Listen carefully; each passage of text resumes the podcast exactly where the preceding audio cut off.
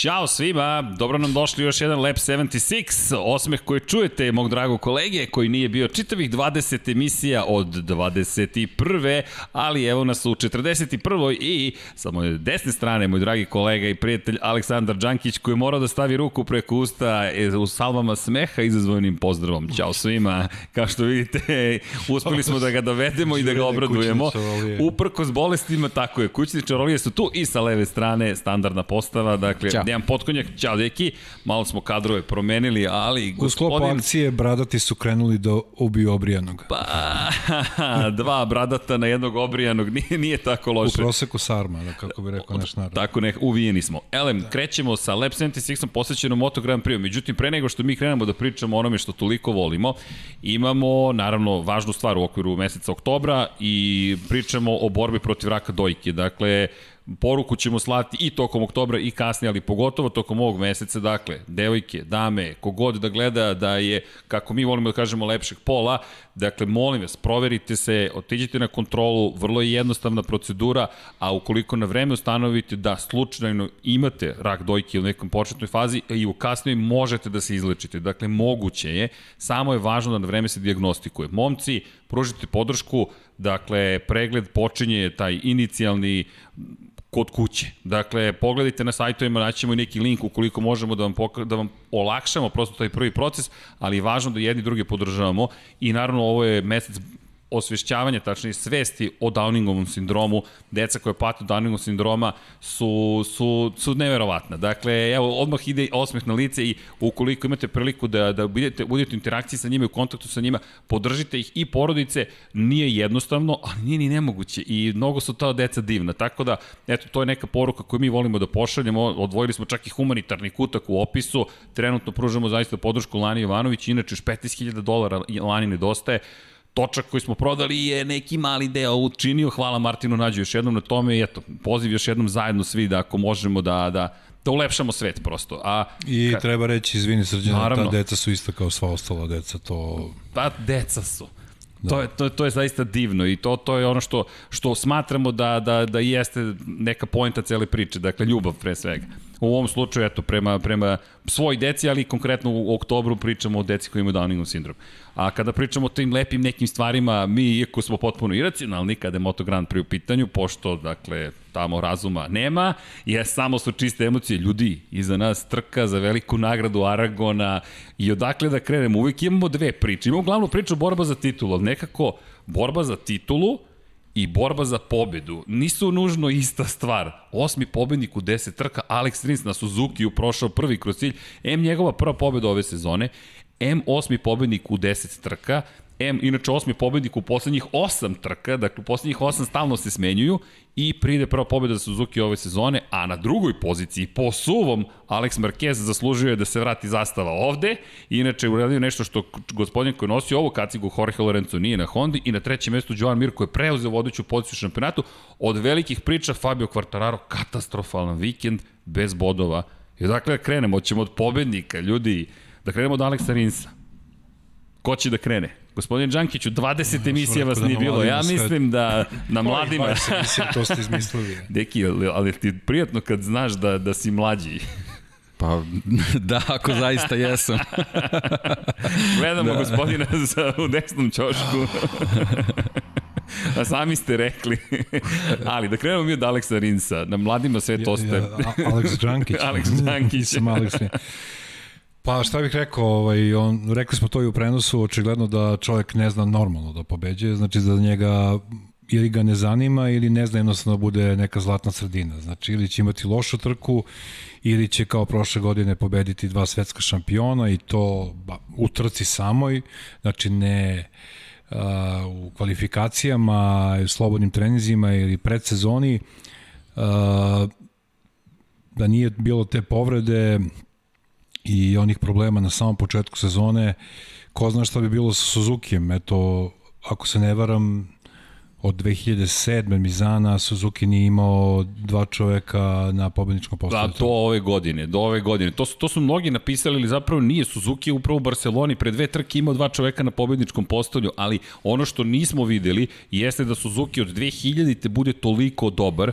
i nismo videli u 20 godina da neko na Suzuki vodi u šampionatu sveta, a to je Joan Mir, koji je trećim mestom preuzeo vodeću poziciju. Bez pobede. Bez pobede. Ovo je drugi put, međutim u sezoni sada da Suzuki ide dva puta na pobedničko postolje. I vraćamo se nečemu što si ti rekao. Suzuki. Koliko puta si istakao i kad smo išli u Barcelonu Suzuki i sada u Aragon Suzuki pa i u Lemanu Suzuki. Međutim, ono što si ti rekao, Aleksu, Alekse Đankiću, dakle, jeste nešto što, što se desilo, a to je zapravo da Rins ili ili pao je u Lemanu kada je mogao da pobedi i sada je ostao na točkama i došao do pobede, ali kako tebi izgledao Rins da, ili Suzuki pao je, pao je u Lemanu, pao je na Red Bull ringu, baš ono što je Aleksandar rekao, to je taj neki problem, te neke njegove nekonstantnosti, plus oni svi problemi što su imali, što je imao vezano za, za oporavak od, od povrede, ali i, i činjenica koju smo spomenjali pre ove trke da je jako važno da imaju dobru startnu poziciju.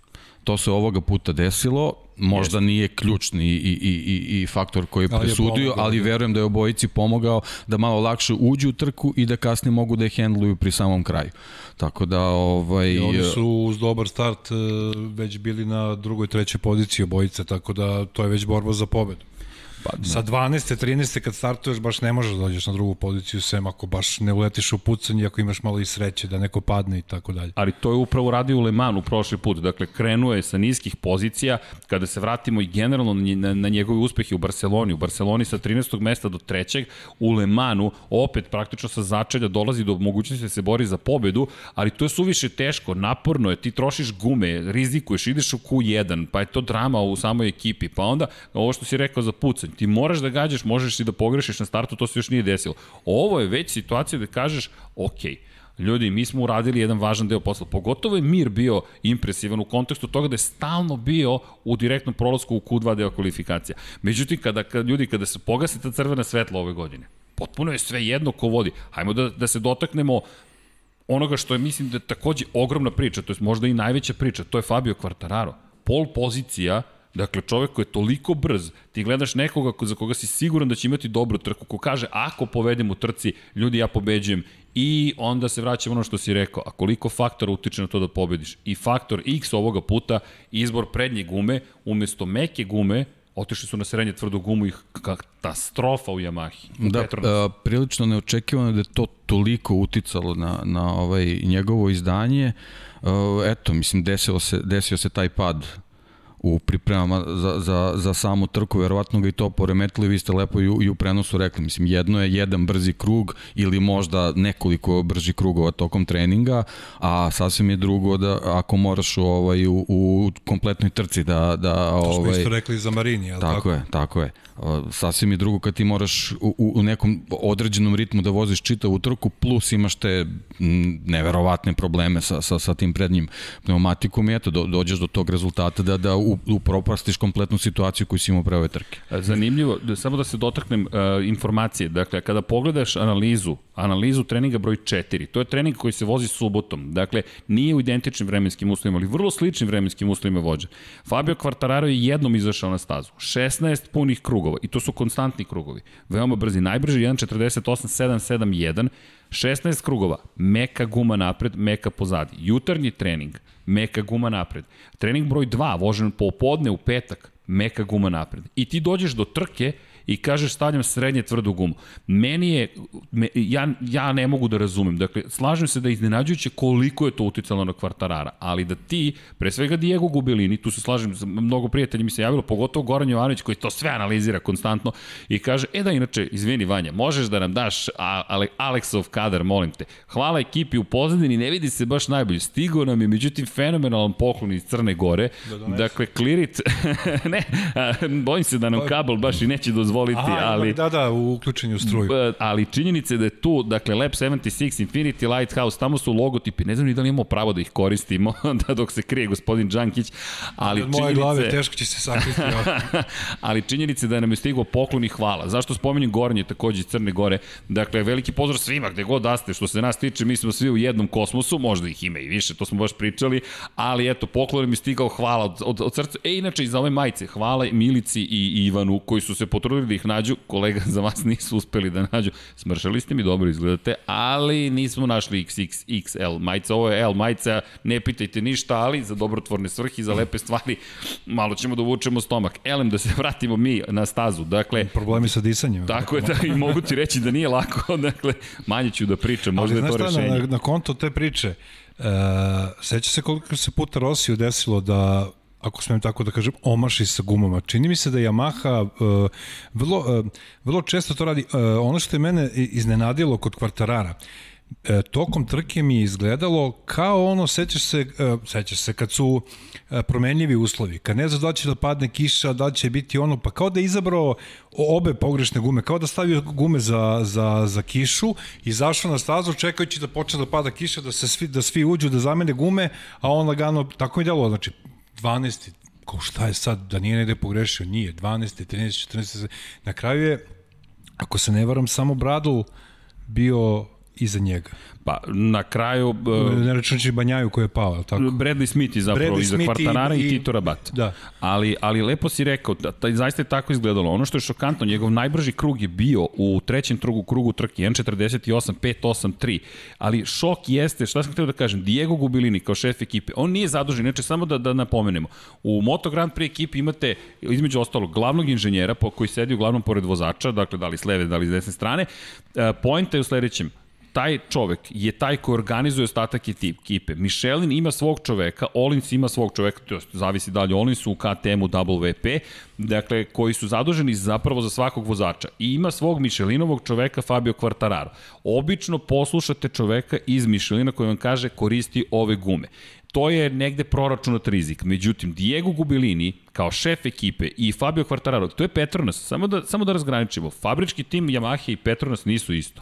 Dakle, koliko god bili slični, nisu isto. I slažem se s tom, Yamaha deluje kao da ima probleme s izborom guma, ali ovo je sada greška već Petronasa, što mene dovodi do sledećeg. Sada si pod pritiskom, deki, ti si pričao o tome. Treba da osvojiš titulu. Sada možda i previše razmišljaš. Ne radiš stvari koje si ranije radio instinktivno, pa, previše Petr, razmišljaš. Petronas je ove godine, mislim, naravno rezultati pokazuju mnogo bolje se snalazi u takvim situacijama od, od, od fabričke ekipe. Sad, ja ne znam koliko njih poremetila povreda Fabio Kvartarara. Mislim, bravo, delo, deluje bravo. mi da je, da je to, to je bilo nešto neočekivano. Znači, neki ne, neočekivani šok kojim se desio u trenutku kad moraju da razmišljaju o nekim drugim stvarima, o tim nekim drugim pritiscima. Tako da moguće da je zbog toga došlo, došlo do te greške u smislu to što je Aleksandar kaže, daj da probamo nešto drugačije od ostalih, možda nam se isplati u smislu da mi jednostavno ovu trku, trku lagano dobijemo s obzirom na njegovo, njegovo fizičko stanje. Mada Šta god značilo da dobijemo trku. Logičnije bi bilo da su to radili u Lemanu, gde očekuješ je. da se menja da. vreme. Ili kao što bi ovde bilo logično da ideš malo na sigurniju stvar imajući u vidu kakvom je fizičkom stanju Tako vozač. Je. Ne, ali pazi, ako su, izvini, ako, ako su slični vremenski uslovi, znamo da je pomereno za sat vremena, ali ako su slični vremenski uslovi u petak, subotu i dođe nedelja, da je razlika možda jedan, jedan Tako stepen je, minimalne razlike u temperaturi. Zašto da. bi menjao bilo šta ako imaš čoveka na pol poziciji? Mislim, Upravo to. To je kao da, ne znam, ja, ja zaista to, mi nismo imali taj, čini mi se tokom trke, nismo imali taj podatak, pa smo se čudili kao što se događa. Ne, pazi, videli smo podatak, ali iskreno, što, e, e, što je, mislim, i prelep opis Moto Grand Prix-a, toliko toga se događa. I ti sada unosiš nepoznanicu, unosiš faktor još jedan, x u celu priču, da, iskreno, Ne, ja, ja nisam ispratio. A zašto nismo ispratili? Vrlo jednostavno, propust, dakle, sa, sa moje strane svakako, ali isto tako nisam očekivao da će toliko uticati. Očekivao bih da izgubiš dve desetinke, tri, da ti se guma zapravo u početku ne ponaša kako treba, a ne da tebi progresivno se, se zapravo usporava motocikl. Jer njegov najsporiji krug bio 1.51, 1.92. Da, Mi govorimo o 2,5 sekunde sporo, da. po krugu gubitka, a ti gledaš vodeće koji kada... To su malte ne Moto2 Tako je. A ti dođeš do situacije da vodeći voze 1.49.5 u završnici. Znali smo da će guma da strada, to je Andreja Doviciozo sjajno rekao, ali nismo to očekivali. Veliko iznenađenje, iskreno, Petronas mislim da će naučiti važnu lekciju, ali ostali su bez bodova. A pored toga, zašto kažem opis MotoGP-a, šta se sve desilo? Dakle, Mir koji napada odjednom, Alex Marquez koji korak po korak, korak po... Ja moram priznati da je meni najveći osmeh izmamio onaj potez u, u poslednjoj krivini. Honda, Alex Marquez, debitant, posle svega što se dešavalo, ti gledaš čoveka koji je spreman da napadne Maverika Vinjalesa u 17. krivini. Ljudi, to se toliko redko dešava, on je dva puta pretica u posljednjoj krivini. I, I šta mi još izmamilo ospeh? Pa Alex Rins koji je najzad odvezao zašto? Ma junak ove godine. Ali, ali ajmo, ajmo da se vratimo na Rinsa. Pogledaj šta je učinio. To je taj osmi pobednik i koliko olakšanje za njega. Pa i za Suzuki. I u šampionatu sveta Nemojmo zaboraviti, u šampionatu sveta Alex Rins je sada sedmi, znate koliko zaostaje za vodećim? 36 poena. Da. Potpuno nevjerojatno. Od mogućih 100. Od mogućih 100, još četiri trke do da, kraja. Da, pri tom sledi trka na, na mesto koje poznaju. Mislim, naravno, poznaju svi, svi će da napreduju. Svi će da nema, da napreduju. Nema tu spavanja na lovorikama, mislim naravno, da se razumemo. Ako Suzuki ponovo bude među da. 5-6 u, u, ovaj, u kvalifikacijama, ne vidim zašto bi se bilo šta menjalo u odnosu na današnji ovaj trku prošlog vikenda. Pri čemu Joan Mir je preuzeo vodstvo u šampionatu. Ima 6 pojena prednosti u odnosu na Fabio Quartarara. Dakle, Rins zaostaje 30 bodova za Fabijom Quartararom. E, Petronas je imao situaciju, to je zadatak da na ovoj trci samo smanji štetu. Da. Mm, iz, iz stvarno nama nepoznatih razloga, oni jednostavno ne da nisu uspeli u tome, nego su probali nešto što su u takvoj situaciji ne radi. Tako da, ovaj, što se njih tiče, možemo da zatvorimo tu, tu stranicu. Bukvalno. Znači, jednostavno, bukvalno nisi uradio ono što si trebao da uradiš, znači samo da smanjiš štetu, a dozvolio si Suzuki da gotovo maksimalno iskoristi kompletnu situaciju. Da, malo je nedostalo dvostruku pobedu. Malo je nedostalo, da. a pritom, da. treba dve stvari reći. Uh, Fab, uh, pre samo dve godine Fabio Quartararo maltene nije bio nigde ili maltene dve, tri godine. Pravo si. Znači, Jedna jednom pobeda u Moto dvojici. Pored, pored uh, Markeza, Rosija, svi, uh, Vinjalesa, svih tih uh, veterana maltene, do Rajde Marquez i Vinjales su po godinama mladi, ali su veterani u toj u, u MotoGP-u. Ti odjednom na 5-6 trka pred kraj prvenstva imaš titulu u džepu. Ne baš bukvalno u džepu, ali viri malo onako, znaš. I mislim da se on tu uopšte nije dobro snašao. U kvalifikacijama kada je sam na stazi, kad mu je glava čista, meni se čini da tu mnogo bolje vozi i to se i videlo. Mislim, ove godine će uzeti BMW, tu nema nikakve razlike. Mislim da će ponovo u, subotu uzeti prvu poziciju. Međutim, kada su drugi ljudi oko tebe, kad krene laktanje, jurnija levo desno, naravno on se navikao na te stvari, ne, ne vozi od juče, ali čini mi se da tu gubi neku oštrinu da nema ono što recimo Alex Rins ima, koji će da padne i da ne završi trku ili će da ide na rizik i da pobedi. Da, ali, ali to je sad, sad le, zanimljivu temu si pokrenuo. Jer šta čeka Kvartararo preostale četiri trke? Tek... Da svi popadaju i da on pobedi, mislim, to je nemoguće. Ne, ne, nisam... ne mislim, bukvalno šalim se, ali morat će da pobeđuje koliko želi titulu. A, a, ali nisam, na, nisam implicirao da će drugi morati da padnu ili bilo šta slično, već zanimljivo će mi biti kako će on sada da nastupe. Jer Deki, ti si se dotakao važne stvari on je pao vrlo ružno na, na, na taj kuk. I kažu, i inače javili su nam se ortopeti, poz, pozdrav, dakle, da imamo zaista neverovatnu grupu gledalaca i, i, i zajednice fenomenalna, koji su rekli na način na koji se spuštao niz stepenice, ukazuje na to da zapravo povreda nije toliko ozbiljna. E sad, možda iz perspektive svakodnevnice nije ozbiljna. Iz perspektive vožnje motocikla obično kažemo kada se ruka povredi mnogo gore, ali mi i dalje ne znamo koliko je to uticalo na njega. Mada je on rekao, nije toliko povreda koliko je motor, ali sve zajedno, ti ovde gubiš delić sekunde pa ćeš mnogo izgubiti, ali uz gumu izgubio si sekunde. Pa, e, znaš kako, sama pozicija sedenja na motociklu, koja, koja traje nekih 45 minuta pod, pod nekim ozbiljnim stresom, e, promjena položaja na sedištu, spuštanje noge, to su sve, sve neke situacije koje tebi zahtevaju da, da ti e, ne razmišljaš o takvim detaljima. Znači, ako postoji neki bol koji njega sputava, samim tim mu se smanjuje i nivo koncentracije, potpuno je logično da u tim situacijama kad je neko ko njega na stazi, ti nisi potpuno fit da, da, da možeš da osjetiš problem. A on je u nekoj situaciji s kojom kojom se nije do sad susreo.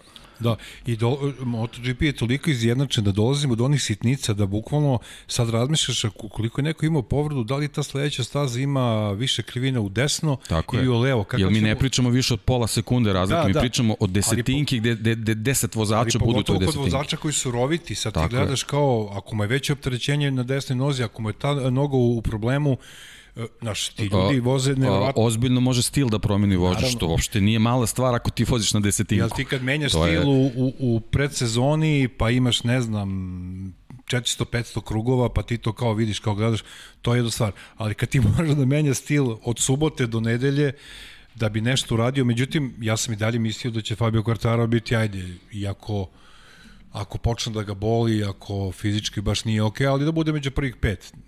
to meni nije, nije zanemarljiva stvar, pre svega zbog izjava Maverika Vinjalesa.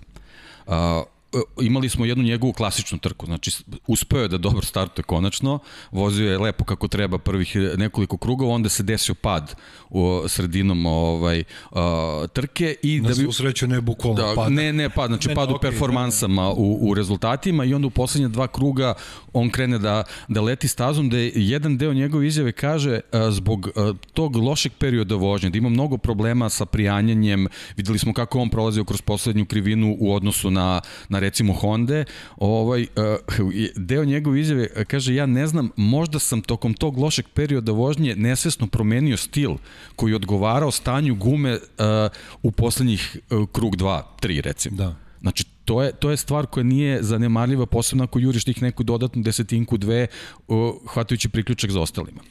Znači, ako je Quartararo imao neki sličan problem da je podsvesno morao da promeni stil vožnje zbog, zbog svog fizičkog problema, onda sve ovo što mu se dodatno desilo je rezultiralo tim očenim rezultatima i, i tim sekundama zakašnjenja u, u vremenu kruga. Da, i mi sad dođemo do toga, rekli smo desetinka, ali u kombinaciji stvari ti odjednom počneš da gubiš. Tako je, to je kombinacija stvar, ozbiljnih stvari. I još jedna stvar, ti sada si zbunjen ti si do, jut, do jutros bio najbrži ubedljivo, to je moja pretpostavka, odjednom radimo ovo, radimo ovo, radimo ovo, radimo ono, ništa se ne menja, ja sam i dalje spori, spori, spori, spori, gde neću reći da počinje nužno panika, a pride, a ždaje su sa svih strana, samo te pretiču, što za poene, što... Nije tolika panika, nego jednostavno u glavi ti semafor 10, 9, znači bodovi samo padaju da. i nestaju, ja mislim da je to stvar o kojoj, mislim, potpuno prirodno da razmišlja o tome, mislim, njemu je ključna stvar, pozicija u šampionatu u ovom trenutku. A nije osvojio niti jedan jedini poen. Čak je imao sreće da Rins zabeleži pobedu, da smanji broj poena koje je osvojio Joan Mir. Nema klubskih naravno. I Vinjales koji, je, koji se držao na poziciji gde je, gde je bio. A, Vinjales mi je vrlo zanimljiv. Dotaći ćemo se inače i Petrućija i cele situacije iz kvalifikacije, ali na kratko, to je, to je adakta negdje, nije toliko važno za samu trku, ali Vinjalesov potez na početku trke mislim da je bio kritičan takođe, da na, na celu tu jednačinu koja se desila kod kvartarara utiče lakat, ulazim u tebe u prvoj krivini, jasno ti stavljam do znanja, ne, ne, ne, ne, ne, prva pozicija je moja, to je žestok duel bio između njih dvojice, dakle i kontakt se desio, mi govorimo, bilo onda pitanje da li treba kazniti Vinjalesa, ne vidim, to je trkački incident, u motociklizmu normalno. Lakat je instinktivna takođe reakcija. Mislim da nije poput Bjađe, Maxa Bjađe 2001. protiv Valentina Rosija išao da ga gurne. To je naslanjanje na čoveka, to, to, to čak nije ni, ni, ni, ni, ni bilo pod analizom sudija, ali neko drugo vreme. Ne kažem da je dobro, niti loše, nego samo drugačije je. Ali kada pogledate taj moment, to je instinktivno. Ali je Kvartararu stavio do znanja jasno. Ajkule su ponovo u vodi i, i ovo je bila jedna žestoka trka, tako da je Kvartararo već tu bio u problemu. A pritom To su dva klubska druga, jel? Buduća. Još malo, mislim. Buduća. Mesec i po dana. Znači, to je mali kao polako. Međutim, taj mali nije mali. Taj pa nije mali. mali bi mogao ove godine da uzme titulu. Ono što meni, a, iz celo vaše priče, popolo se slažem s vama, a, mislim da se osjeća, mislio sam da će u Repsol Hondi da da bude frka, u stvari nije. Kako ide sezona, njima ide sve bolje i bolje. Čak i na Kagami može da uzme titulu, matematički je moguće, ali mislim da Fabričko Yamahi, pa čak i Petronas Yamahi, da je neko rekao pred početak sezone Rossi će imati prosečnu sezonu, koliko pet pet e, trka nije završio, tako? Tri za Četiri redom. za redom. Čet, da. Četiri za redom i pet na početku koronu, sezone. Da, tako je. Da. Ovaj, da mi neko rekao Marquez neće voziti, Rossi će imati lošu sezonu, oni bi rekli ok, znači mi smo prvaci, samo to da rutinski da se završio. Međutim, a, de, sad se događa situacija da Mir, bez pobede, ok, imao je mnogo pobedničkih postolja, vozi odlično, bez pobede, da je vodeći u generalnom plasmanu na Suzukiju, E, ja ne, ne, ne smijem da zamislim šta bi fabrička Yamaha rekla na kraju sezone, čekaj, ovaj, šta se događa kod Ali šta, rekla bi... Ne, ne mislim da je Mir loš vozač, da je Suzuki naprotiv, ja bih volio Kawasaki da se vrati i da dođu svi, i Stoner da se vrati, i ovaj i one. Međutim, kad ćeš da iskoristiš šansu ako ne sad? Iskreno ali to važi za sve. Uh, ono što si, me, šta je meni zanimljivo sad iz ovoga Misli, što si... Misliš, govoriš o svima kao kandidatima za titulu, ne možemo govorimo o Apriliji da je mogla to da iskoristi, na primjer. Pa, ako pitaš Casey Stonera, Stoner kaže da Aprilija može da vas dovede do pobedničkog postolja, ali cerim da je to kad ako možda bi ako je on set, vozi. Ako bi da, to je onda možda poziv za angažman. da, da, možda ako je on vozi to... da, da. Kao znate, gospodo, vozio sam Ducati, pobeđivo sam, vozio sam Honda, pobeđivo sam, evo sad ću napred. Sve što da treba da ukucaj, ukucajte 27 i, 20, tako, i pozovite, 20, pozovite da, dial 27 uspeha, da, for da. win. A, da, ali, da, da, ali to je njegova izjava. Ali šta je meni zanimljivo, čega si se dotakao? Dakle, Yamaha mislim da je svesna da ovo svačija sezona i to stalno ponavljamo. Ovo je potpuno otvorena bitka. Yamaha imala svoje probleme, dakle imala je situaciju na Red Bull ringu kada je bilo pitanje da li će motori izdržati do kraja. Ono što si ti, deki, super pročitao, Mizano test. Mizano test od tog momenta Yamahi ne nedostaje snage, to smo u Aragonu videli, čak ni na, na, na pravcu. Dakle, Yamaha nema taj problem više. I Vinjales je to rekao, mi nemamo taj problem. Ali apropo ovoga što si otvorio sa Vinjalesom, pa i Rosim, ljudi, jeste svesni da smo mi imali prvu trku u kojoj se nisu pojavili na stazi ni Mark Marquez, ni Valentino Rossi, da je to prvi put od 2000. godine, 2000. godine, ne, zapravo 2000, da, 2000. godine, kada Alex Krivije nije mogao da vozi, da brani titulu, da mi nismo imali šampiona kraljevske klase na startnom poredku. A pričamo o 17 titula šampiona sveta između njih dvojice i, i ni manje ni više 197 pobeda. Ljudi, njih nije bilo pa, na početku da, koliko trke. je to negativno u tom kontekstu koji da ti rekao, kažem... s druge strane je veoma pozitivno koliko smo bili zainteresovani da gledamo to. tu trku A i bez njih. A vidi u kom minutu mi spominjemo da. njih dvojicu. Šta hoću da vam kažem? Ljudi, MotoGP je pobedio u nedelju. Zašto? Da, koliko god da se voli Valentino Rossi, koliko god da se voli Mark Marquez, koliko god da se ljudi dive njima, i mi im se divimo, nemaš Rosija, nemaš Markeza, a uvod u trku, to jest u prenos i u, i u podcast i u sve što radimo, nije nema Rosija, nema Markeza, ne, nego ko će da pobedi. Čak neće biti ni u naslovu. Da, pa bukvalno, nemaš pa mesta u naslovu za njih dvojicu u ovom momentu. Ali MotoGP je i dalje bio, svi su bili prikovani i ljudi zovu i kažu gledao sam trku. Šta, šta hoću da kažem? Sport, što i na čemu sam zahvalan i Rosiju i Markezu. Zašto? Rossi koji nije odustao od sporta, bez obzira na sve probleme koje ima, inače Valentino Rossi pati od COVID-19, u ovom momentu mi mu želimo zaista brzo poravak i da nema posledice. Deki, ti i ja smo, nažalost, ajmo jedan jutarnji fist bump, dakle, preživeli COVID, dakle, nije prijetno ni malo, ali, evo, kolega, ne, ne, ne, ne, ne, Aha, ta, Dobro, ja sam, ja sam rekao par, par pametnih stvari. Kasno, momče, da kasno. Da Pazi, na dovoljnoj si udaljenosti, dakle ima tu metar i nešto.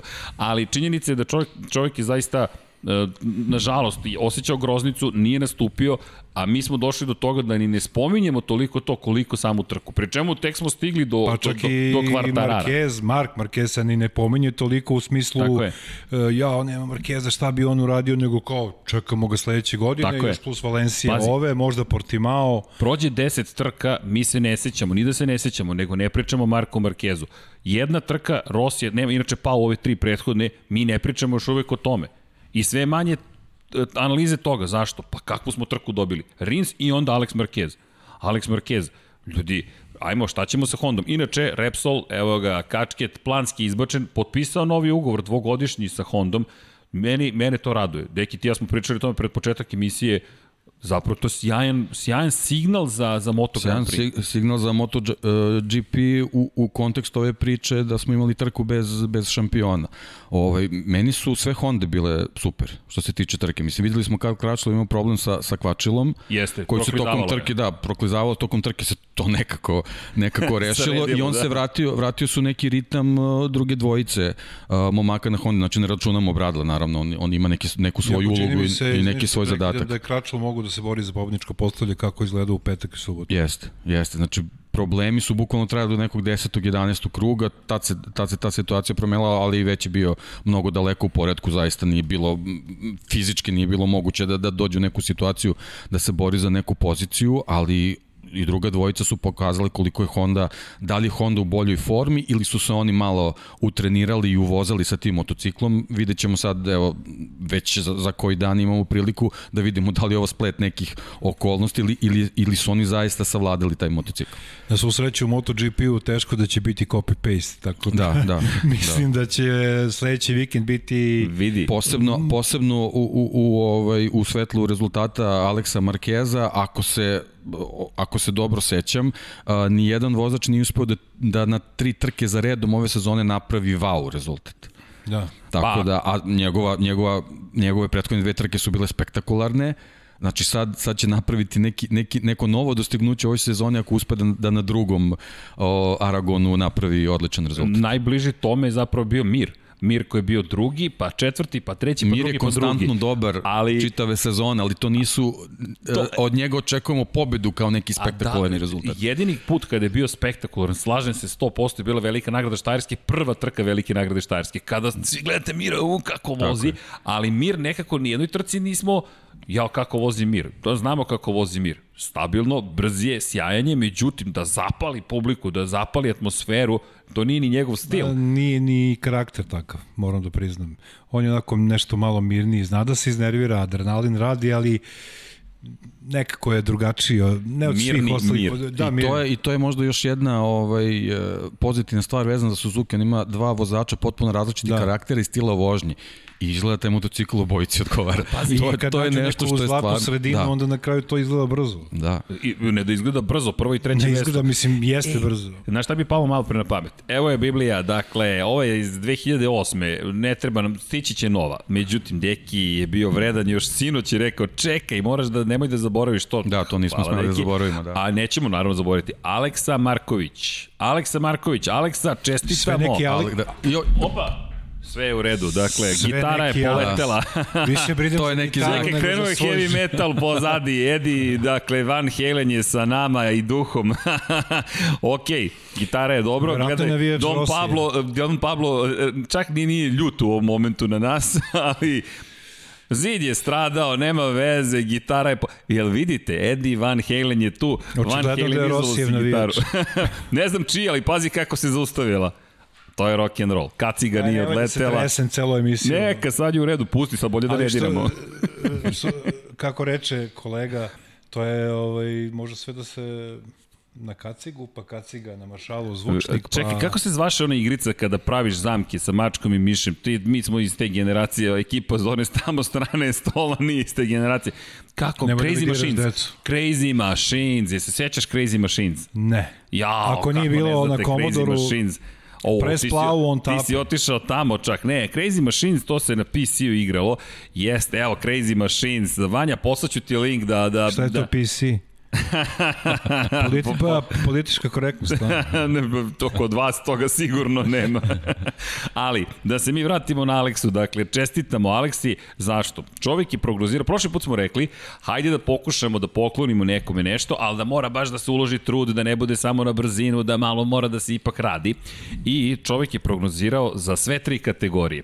U Moto trojkama nije baš bio, niko tu nije bio precizan, tipove Arenas, Ogura Vijeti, Ni jedan, ni drugi, ni treći, ali okej. Okay. Zatim Moto2, u malo nije pogodio. Beceki, Lowe's, Kane. Kane ima operaciju, nije vozio. Lowe's je bio drugi, Beceki je bio prvi. Beceki je bio sjajan do, do dva kruga do pred dva kraja. kruga pred kraja. Tako da, Aleksa, tu nisi dobio. Međutim, tip za Moto Grand Prix, Rins, Quartararo, Mir. I to je najpreciznije pobedniku što smo imali. Dakle, Ja mislim da rezultat kvartarara niko živ ne bi pogodio. Da, da, da, to Ne. apsolutno ne može se zameri. Uh, Rins, recimo, Alex Marquez, Mir, koji, koji će biti kvartararo 18. ono, A na Da. pol poziciji. A, Mislim, da, da, i to ne zato što ima incident, nego zato što se ne, zato što je tako vozio. To je to, okay, izbor, izbor prosto ekipe. Međutim, šta sadrži ova knjižica? Ovde imate između ostalog i te dvostruke pobede. Dakle, pa ćemo mi da se potrudimo u ovoj, nećemo sad tokom emisije ko zna koliko će potreti, mada možda krišom dok budu drugi pričali, ako dobijete priliku, ali šalu na stranu, dakle, ako uspemo, naći ćemo kada je bila poslednja dvostruka pobeda Suzuki u istoriji šampionata. Kažem, nažalost, Suzukijevih navijača i Suzuki, možemo čak iz 2008. da uzmemo knjigu i da, da posmatramo, pošto Suzuki u 2008. i Krisa Vermulena do 2016. i Maverika Vinjalisa nije imao pobedu i prošle godine dve, ove godine jedna, ali naći ćemo. Ali u svakom slučaju čestitamo Aleksa Marković, pozdrav svima koji su učestvovali u celoj priči s obzirom na činjenicu da je bilo zabavno. A može se desiti da Suzuki sa jednom pobedom uh, od dva vozača bude, ima, ima šampiona ove godine. Eto, na primjer. E vidi, poslednji put kada smo imali šampiona, ja mislim da u Moto Grand Prix se nikada nije desilo da šampion nema ni jednu pobedu. U 125 kubika imali smo 1999. godine, to možete naći ovde, imate sekciju posvećenu 125-icama. Dakle, ono što je pojenta cele priče jeste da smo gledali Emilija Alzamoru kako osvaja tu titulu protiv Marka Melandrija, to je neverovatna bila trka. I usporava, tako je, u poslednjim krugovima usporava, ne bili uvuku, ako se dobro seća, Manuel Pođalija u bitku i kako bi Pođali pretekao na drugoj poziciji zapravo Alzamoru i doveo do tih neophodnih nekoliko poena da Marko Melandri postane šampion. I Marko koji ima pobedu u rukama, ali ne, usporavam, usporavam, usporavam, ali mu nije uspeo. To je možda Hamilton gledao kad je usporavao Rosberga da bi ga Vettel obišao. u- da, vidi, et, bravo, tako je. To liči na Tako to, je. da, da. Tako je, tako je. To, to, to, je, to je nešto što, što ajde da kažemo, Nije mi palo na pamet, morate misliti, ali baš liči Pa na liči. to. liči, da. liči na to. Da. Dakle, kada govorimo o poklonima, poklon ide. Ono što takođe ćemo, o, stavio sam knjigu, neće taj, opa. Danas nam se raspada nešto Ovo će, studija. bi, ovo će biti ovaj, pr, prvi Okej. podcast u kome su sva trojica učesnica, učesnika poginuli tokom. Da oni koji slušaju trenutno gitara iza mene je pala, ali se oslonila na poklon koji nam je dao Deki, 76. izdanje Velike nagrade Monaka. Pa e, mislim, de, de će da se prikoči ako ne u Monaku. Mislim, da. Inače, Deki je poklonio uh, ovaj poster, tako da bilo je pitanje gde si ga nabavio. Gde si ga nabavio, Deki? U Monaku. Eto, jedno sa, ovo ti da. nemoj Monty Python na Zemlja okrugla. Jeste. Jeste, okej. Dakle, otiđite u Monako i nabavite. A, kada, kada je reč o, htio sam reći malo pre, ne samo o Suzuki, već o Hondi. Vanja, možeš da nam baciš onaj tweet ako si dobio link Spomenuo si tempo. Nemoj da baciš, stavi na ekran. Ovo je, dakle, vraćamo se u Aragon, Teruel Grand Prix i imamo šta? Pitanje, kako da dođem do prvog pobedničkog postolja, pita Takaki na Kagami, imate li savet za mene? Momci, imamo li savet za Takaki, Takaki Pa na treba da Kagami? bude plasiran među prvi i treće pozicije. Ili ba, do, do, do, od prve do treće. Idi četvrti pa posle da kazne nekoga. Da. Ali, Ili da za promenu možda izveze neke malo bolje kvalifikacije Na primer, kao na da. početku sezone što je vozio. To bi bilo, što se Dakle- njega tiče, možda, možda neka dobitna kombinacija. Dakle, teške teme, ali, da. ali činjenice da, da Takaki na Kagami ako hoće pa, pobedu... generalno, da, šal šta na to mora da stranu. Generalno smo videli, ovaj, što smo pričali u najavi ovaj, pred ovu trku, taj zadnji pravac i ta brzina Ducatija i generalno snažnih motocikala izgleda više ne igra toliku Da. ulogu na ovoj stazi. Uh, mnogo, je, mnogo je važnije prijanjanje i, prolaza, i brzi prolazak kroz krivine. Videli smo kako Honda to radi, videli smo kako Suzuki radi, možda je Honda čak i bila konstantnija tokom čitave trke, ali definitivno uh, velika brzina na zadnjem pracu i snažno kočenje. ne može da nadomesti Da, nije, da, ona, nije to recept. Ona dva tehnički izuzetno teška sektora da ti, Tako je. iako to ne izgleda vizualno tako da ti u krivinama možeš da uviš mnogo više vremena nego na što ćeš na pravcu da dobiješ. Tako je. Tako da... Honda su delalo da sa lakoćem prolaze, da. prolaze te sektori i da taj neki Pogotovo gubitak taj- u brzini koji nije bio nešto specijalno Pa velik. vidio si koliko je Alex Marquez dobio u poslednjem sektoru. Da, Kako je poslednji prolazio, sektor je bio spektakularan, ono da. je bilo da. kao da vozi speedway, Tako znači je. samo je išao... Ali to je prava, ovo je pravi opis. A, čekajte, Vanja je vredan. Ovo je, mislim, savršeni opis onoga što se desilo kada je reč o Marku Markezu. Ćao svima. A vidiš, kopira, razgleda Lab 76. Dakle, da. hola a todos, da, a todas, dakle... Pozdrav svima. Ćao svima, ta, pa, pa, čao svima, kažem ti, svi gledaju Lab 76. Pa Vidi, uskoro će onda nosi broj 76, dakle kako 93, 4 šestica, dakle 76, ali ćao svima, ja sam brat Aleksa Markeza. Na konto svih prozivki koje Alex morao da pretrpi da je on zapravo dobio ugor samo zahvaljujući činjenici da je brat Marka Markeza, oglasio se Mark, ovo je zanimljiv kadar, dotaći ćemo se. Uh, može, može uz zvuk vanja. Ajde pusti, kad je već krenula ova priča, za one koji slušaju, čujete Marka Markeza,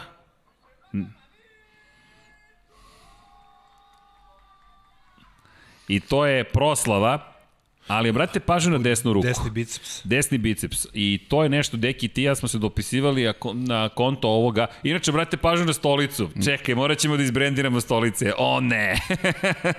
dakle, imamo gejmerske stolice i to je bita, bilo pitanje. Pa vidiš dole, imaš i, kapiram da ima i volan i... Naravno, pa kako? Konzola. Čekaj. Prva, druga, treća. Čekaj, PlayStation 5, ja sad lobiram, kod, moram da, da stupim u kontakt sa uvoznicima, da, da dobijemo na testiranje. Ne, nemoj, molim te, ja i ovako dolazim na svakih 20 podcasta. Ti ne znaš podcasta. koji je, šta je PC, tako da ti prvo PlayStation Ne znam, ja sam mlađa generacija, znači... da, ja da, da za vas mlađe. Presplavu on tape. I znaš šta još može PC da bude? Parental control. Tako da ćemo ti uključiti i možeš da igraš ove nežni. Šalu na stranu. Dakle, obratite pažnju na kadar. Deki, ti si baš e, zabrinut za, za stanje ruke. Ja sam poslao ovo, ovo sam poslao našem prijatelju. Inače, dobili smo i gošću jednu, pozdravit ćemo je. 10 godina su zajedno. Mina Ćirković, dama koju znate možda sa Twittera, pozdravi za tatu. Svratili su nam u studio da vide malo i šta se tu zbiva iza e, kulisa. E, se, ne znamo za koga ona navija. Da, ne znamo uopšte za koga navija, samo nosi broj 93. Da, pitamo, da. da, ali eto, ne nekako se priča trenutno braći Marquez, pa tu jedna dama koja navija za njih, stavit će po, pozdrav već dobila, ali i na Twitteru ćemo da je pozdravimo, nadam se da će imati strpljenja za nas, najavili smo da ćemo snimati u ovo vreme, ali... Morat ćemo da imamo jednu kameru iz ruke uskoro, znači za sve koste koji dolaze da, da ih snimamo, da mašu i GoPro tako. da uključimo. Da. da, ali to je divno, to je lepota zajednice, dakle dobro nam došli u studiju na kraju univerzuma i nadam se da ćete uživati, ali ono što je činjenica jeste da, da zabrinuti smo, dakle za stanje te desne ruke, poslali smo ortopedu da nam da njegovo tumačenje, dakle opet deo zajednice, kao što je Mina deo zajednice, hashtag SK MotoGP, hashtag Lab76, dakle ono što, što smo dobili kao odgovor jeste da je malo komplikovanija priča i da je objašnjenje malo duže i, i ne želi, inače pozdrav za Nikolu Rosića, to je čovek koji nam se javio i na Twitteru i čovek se bavi ovim profesionalno, ustupio nam je njegovo dragoceno vreme, rekao je da se čujemo po kada završite snimanje, da popričamo kako bismo se dobro razumeli, da ne bi otešla priča u etar koja nije blizu istine ili koja je blizu istine, ali nije cijela istina i moramo biti oprezni. Dakle, činjenica je da smo zabrinuti, vodi računa o toj desnoj ruci, dosta je drži blizu tela, moguće da je samo predostrožnost, ali... Pa dobro, to je već srđena i stvar navike, jer toliko vremena je već prošlo od operacije da on negdje navikao. To, upravo kao... to, ali, ali zato će proći vreme za trening. Naravno, naravno. O tome i pričamo, ne pričamo mi, mislim, niko od nas ni pomislio da ta operacija nije uspela da se nikako... Ne, ne, ne, ne, ne, okay, jednostavno ali... taj period oporavka u ovom tempu trka ne, ne znam kako će na, na ovaj način, kako smo videli na ovom snimku, kako drži ruku, kako je to recimo moguće za dve nedelje da bude u, u nekom, meni, nekoj top formi vezano za nastup, imajući u vidu i šta se sve događalo s Kvartararom na ovoj trci. Da, meni, Sa mnogo bezazleznijom Meni je drago što, što da. je Marquez se odlučio ipak sigurno u razgovoru sa ortopedima, medicinskim osobljem, sa Repsol Hondom i sve to, da kaže ja neću voziti ono do kraja ove sezone, tako je bila prva informacija, sada se već kaže da će voziti u Valenciji, jer ono šta je on radio, voziti preko 340 km na čas sa povoljenom rukom, nema potrebe, dovoljno je mlad, ne mora da žuri, ima već sedam titula, e, neće se tu zaustaviti realno gledano ako bude vozio na nivou na kome je vozio u prethodnih deseta godina u svim klasama ovaj i stvarno bi bio preveliki rizik on što ti rekao kad se vozi nedelja za nedeljom kad ne možeš da se oporaviš i sve to bolje da sačeka mart sledeće godine, ćao zdravo. Stalno pričamo o, u suštini o kompromisima, kako da nađeš balans između jedne i druge stvari. Dakle, e, konkretno u ovom slučaju, kako da nađeš balans između toga da, sa, sa, da sačekaš, da se u potpunosti oporaviš i da počneš sa treninzima. U kom momentu dolazi taj prelomni trenutak? Pri čemu, ono što je najvažnije, kada dolazi trenutak kada sedaš na motocikl. I to ovo što, Deki, ti spominješ. Ako treba da dođe na drugu trku u Valenciji, Mi imamo još jednu trku u Aragonu, veliku nagradu Teruela, na programu evo, danas je sreda, dakle za dva dana kreću treninzi, imamo pauzu potom nekih 10 dana, to je, dakle, za koliko? Dve nedelje, dve i po nedelje je prva trka u Valenciji, velika nagrada Evrope, i potom sedam dana kasnije velika nagrada Valenciji. Dakle, on bi trebalo za tri i po nedelje da sedne na Moto Grand Prix motocikl. To je ono čega se, što se pitamo. A ukoliko ne sedne, Da li će imati predsezonska testiranja s obzirom na COVID-19 situaciju koja će mu dozvoliti da se pripremi za 2021. ili već sad ono što I upravo je to što se možda desilo i Aleksu. Alex ove godine nije imao dovoljno vremena u predsezoni da se navikne na ovaj motocikl, a znamo da momak drugačije funkcioniše od brata. Znači, potrebno mu je vreme da se privikne uh, uh, na neki, neki apart, na neku mašinu da bi mogao da, da pruži maksimum. I to u principu sad vidimo, jer zbog ovog tempa trka dođe u situaciju da osim, osim što je trka to što jeste da on na toj trci se i uvozava i upozne sa tim motociklom. Vas dvojica se možda neće složiti sa mnom, ali meni Alex Marquez izgleda kao prvi čovjek posle Casey Stonera koji se zaista lepo osjeća na toj mašini i da, da vidiš bukvalno iz sekunda u sekund kako je bolji. O, uh, video, videli ste obojice šta se događalo s njegovim prednjim točkom u poslednjoj krivini. Znači, ipak ti treba da kažeš, čekaj, drugi sam, kao daj da iskuliram malo ova dva kruga. Ne, on ne, je... I, kompletno samopouzdanje. Da, samopouzdanje koje mu dozvolilo da on dalje napada Aleksa Rinsa. On je smanjio posle toga, posle neke sekunde, sekunde i dve desetinke, posle te greške, stvari nije greške, jednostavno istrošena prednja guma. Juriš, možeš... šta radiš? I to posle zadnjeg pravca gde se naj, troši, Međutim, on, on nije rekao, čekaj stani, vidim tamo Vinjalesa, znam da je brz pe kraju, vidim tamo Mira, klubski kolega, ovo ono, e, ovaj tačnije klubski kolega Aleksa Rinsa, jo, ne, on je i u ta dva kruga napadao, tačno se videli, i smanjio je ponovo na manje od pola sekunde razliku. Meni je to fascinantno, zaista svaka čast. Da, ta zadnja krivina, me mene os, zaista ostavila ozbiljno utisak. Dakle, način na koji su vozili i Suzukijevi vozači najpre, ali potom Alex. Alex Marquez, hvalili smo Breda Bindera i njegovu pobedu, nevjerojatnu pobedu u Brnu na, na velikoj nagradi Češki, iznenađujuću pobedu. Alex, ono što smo i videli, zašto je taj komentar Marka Markeza toliko važan, gde on kaže ja sam brat Aleksa Markeza. To, to je lepo je na više nivou, i na sportskom nivou, i na bratskom nivou, na ljudskom jednom nivou, gde se pričalo, on je brat Marka Markeza, zato vozi. Ne, ovaj čovjek ima dve titule šampiona sveta. Ono što je meni bilo zanimljivo je što je najpre napao Jacka Millera i vratilo me u prošlost još u 2014. godinu, tu na toj stazi u Aragonu, po suvoj liniji. Tako je, se sećaš, po suvoj liniji Alex je ušao ispred Jacka i rekao, ok, ja ne puštam gas. Jack je imao izbor, ili da pusti gas, ili da ode na vlažan deo staze. I otišao na vlažni deo staze. Odlučio se da ne pusti gas. da ne pusti gas, što je bilo za očekivati da, kod da, Jacka Millera. Da. A to je da. Mark Marquez desetina puta uradio u svojoj karijeri da kao, kao ono, kako se zove, kada u Americi što imaš ono dva automobila, jedan preko puta druga, kako se chicken, chicken... Igramo se šta? Ko će prvi da skrene? Aha. Idu punim gasom Dobro. jedan prema drugom. Ovo je sad nije baš jedan prema drugom, ali mislim da, da, da je Mark Marquez to često uradio i možda nekom slučaju zaplašio neke, mislim, zaplašio po znacima pa, navoda. Pa teško dobro, psihološke igre generalno, to, da. to je uvek, uvek Ali ono što smo, i i ti si pričao o tome, i Srđan ja smo pričali e, tokom prenosa, e, ponekad smo nesvesno krajnje nepošteni prema Aleksu Markezu. Da, da je on Alex Rodriguez, na primer, i da kažeš, evo ga mladi vozač koji je prvak sveta u Moto3, Moto2 kategoriji, došao je sad u MotoGP. Ima vremena za ima njega. Ima vremena da. za njega, došao je sad, ali nemojte zaboraviti da je on dvostruki svetski prvak. Ovako kao, dve titule, ali njegov Ali vidiš da izgleda, nismo samo mi tako razmišljali, malo su pa, i u Repsol Hondi tako razmišljali. E, to je ono... To je, to je ono što je možda lošija stvar u ovom trenutku. Da, za mislim, njih. Sad mislim da kukaju, oni da, da udaraju glavom u pa, boks. Ali, ali to je sada veliko pitanje. E, I mno, mnogo je tu tema i baš je zanimljivo. Ja moram priznati da smo se mi trudili da, da, da, da tako ne posmatramo Aleksa Markeza. Dakle, e, kada kažemo, baš sam, baš, konkretno, baš sam insistirao na tome na tom podsjećanju, ovo je dvostruki svetski šampion. Ovo je dvostruki svetski šampion. Od dvostruki, ali sam isto tako bio skeptičan šta može da uradi na Hondi u prvoj sezoni. Da vam kažem da sam očekivao da će biti na pobjedičkom postoju. Da, ti si mu dao sezonu za uigravanje Tako stvari. Da. I rekao sam, ljudi, sačekajte 2021. Kakva 2021. Mi pričamo o njegovoj devetoj trci po kiši u Lemanu. I pritom je brži od Bradla, uh, koji je testirao i koji poznaje Izvini, okay. zašto od koga je brži? Ne, ne, ti si 100% u pravu.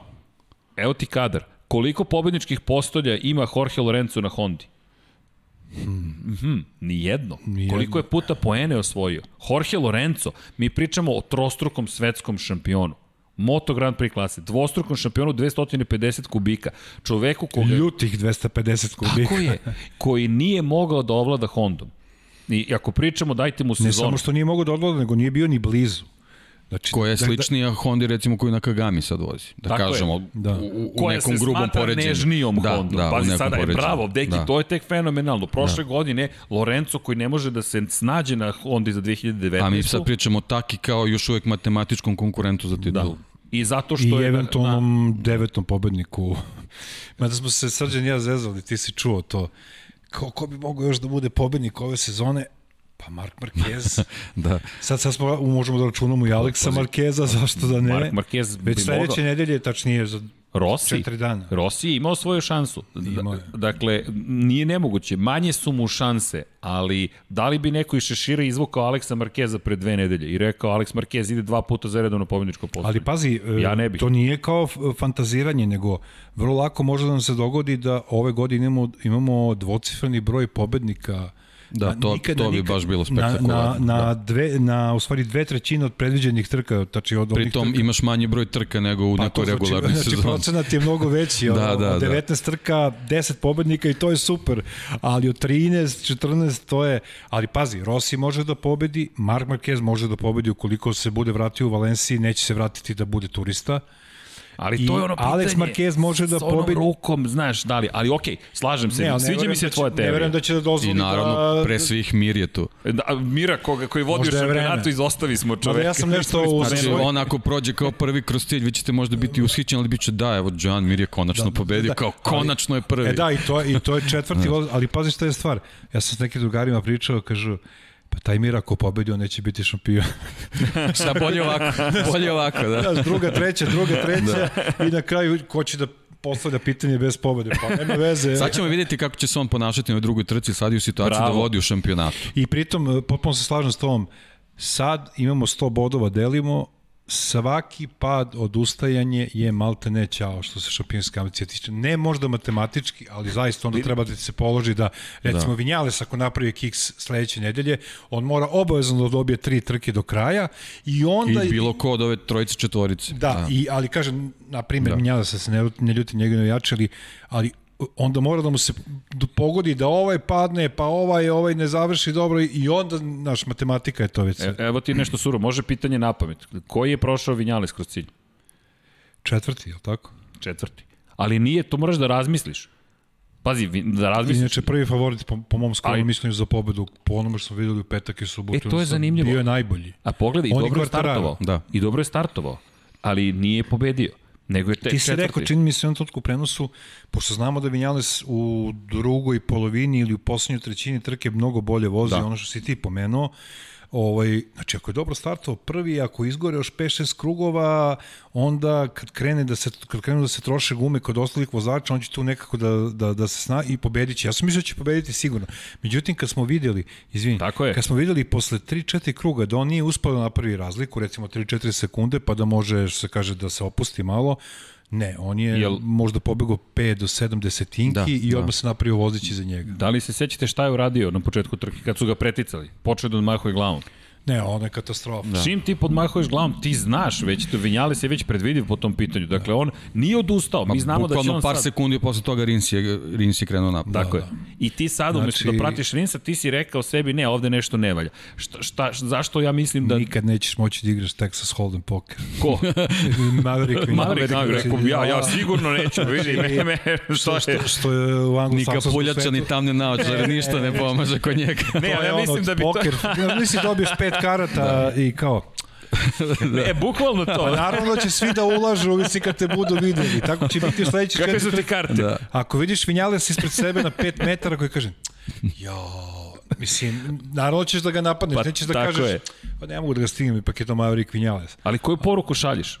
Šalješ poruku, nemam, nemam dobre karte, ne mogu da pobedim. A imaš dobre karte, na kraju je bio najbrži. Na kraju bio Da, najbrži. poslednja dva kruga su bila fenomenalna. Na kraju, ali to je opet tako tipično za Vinjalesa. Zašto mu, znate kolike šanse mu daju? Na, najmanje šanse se daju Maveriku Vinjalesu da osvoji titul. Znači, Uključujući Dovicioza. Uključujući do Andreju Dovicioza, koga Koji nismo, da, ni nismo ni spomenuli. Da, Da, ako- crvene nismo ni spomenuli, da. ako mogu tako da se izrazim, Maverick Vinjarac će morati all in. U četiri Jeste, trke, ako, da, Bravo. ako smo u toj terminologiji, evo to je sve to. ili Pritom, ništa. slediti trka koja je manje više slična Da. o, ovoj prethodnoj. Ja sam gledao jutros najave vremenske prognoze, otprilike očekuje se nešto toplije vreme, ali to je par stepena Da, što si ti spominjao. Tako da, razlika. momci, bili ste tu, videli ste Ujutro su temperature 7 do 10 stepeni, tokom trke će biti 20, 21, 22. Voziš na gajbi, ali problem je tome što upoznali je s i tim. Alex Rin španac i Žan Mir je španac. Tu ste, niste mnogo putovali, bili ste u, u nekoj inače sredini neki lepo su- da možete da razmislite. Francesco da... Banja, izvini, ostao, rekao, jer nemam para za privatni avion, tako da ću ostati u Aragonu. Da, i, i taj, Aragon, i taj detalj, zašto. i taj detalj, mi smo imali samo jedno odustajanje da, na ovoj trci, tako da smo Da. mogli da vidimo Francesco pravo stanje stvari. Le Mans je potpuno nešto Mogli smo atipično čak da bilo. imamo i trku bez Da. jednog odustajanja. Ma, da. E, ali znaš šta se postoje? Aj, ajmo da... da, da, da Mene je samo da bio strah ovaj, kao u Moto2 da ne počnem da ih gubimo zbog u drugoj krivini zbog gume. Ali to, nije. to sam samo, Nije. samo da se to ne desi, ali eto sreće, ovaj, ostali su svi Ali na, evo ti na, na razlika u odnosu na Barcelonu. D- Temperatura je zapravo optimalna. Mi pričamo o tim rasponima. Michelin kada posmatrate šta poručuje, inače ponovo će biti promenjen raspored. Da ne zaborim, ljudi, časovnik se pomera unazad. Dakle, imate sat više spavanja, ali to menja i raspored trka. Dakle, vodite računa kada je reč o programu koji je pred nama, to zaista moramo da napomenemo. Neće biti preklapanje između Formule 1 i, i između Moto Grand Prix-a, ali sad se pomera, malo ćete duže da pajkite, međutim, šta, ka, šta to znači i dajte mi sekund samo da vam dam tačnu informaciju kada su prenosi, pošto se to dosta menjalo. Pomereno je, sve je pomereno za jedan sat unazad u Španiji, zahvaljujući tim niskim temperaturama, međutim, u nedelju od 11.20, dakle, je na programu trka Moto3 kategorije, zatim od 13.00 Moto Grand Prix, od 14.30 Moto dvojke. Dakle, to je velika Kao nagrada. Mansu. Tako je. A kad se vozi warm-up? Warm-up kreće od 9.20. E, to je, to, je, to je taj problem. Ti imaš warm-up gde trebaš da se pripremiš za trku Po zimi. potpuno drugim, Po drugim zimi, temperaturnim uslovima. možda bolje ne voziti da. warm-up, mislim, realno. Pa ne služi ti mnogo čemu. Možda da. je to, ako te dobro razumijem, implikacije za kvartarara. Šta ćeš da radiš? Da. Da. se spremiš? Kako ćeš da se Znači, spremiš? kako, šta, je, šta je tvoj ritam za trku? Šta, šta pripremaš? Drugi i četvrti trening. Tako to je, je. to. Drugi, Tako je. četvrti trening, kvalifikacije ne možeš. Prvi i treći služe isključivo da eventualno postojiš neki rezultat za prolazak dalje u Q2, što nije mala stvar, ali testove koje vodiš za pripremu za trku gotovo su besmisleni. Ono što je bitno jeste psihološki šta se tu događa. Dakle, to je stalna tuča između svih tamo, što nama daje fenomenalnu zabavu, ali činjenica je da za inženjere ne znači mnogo.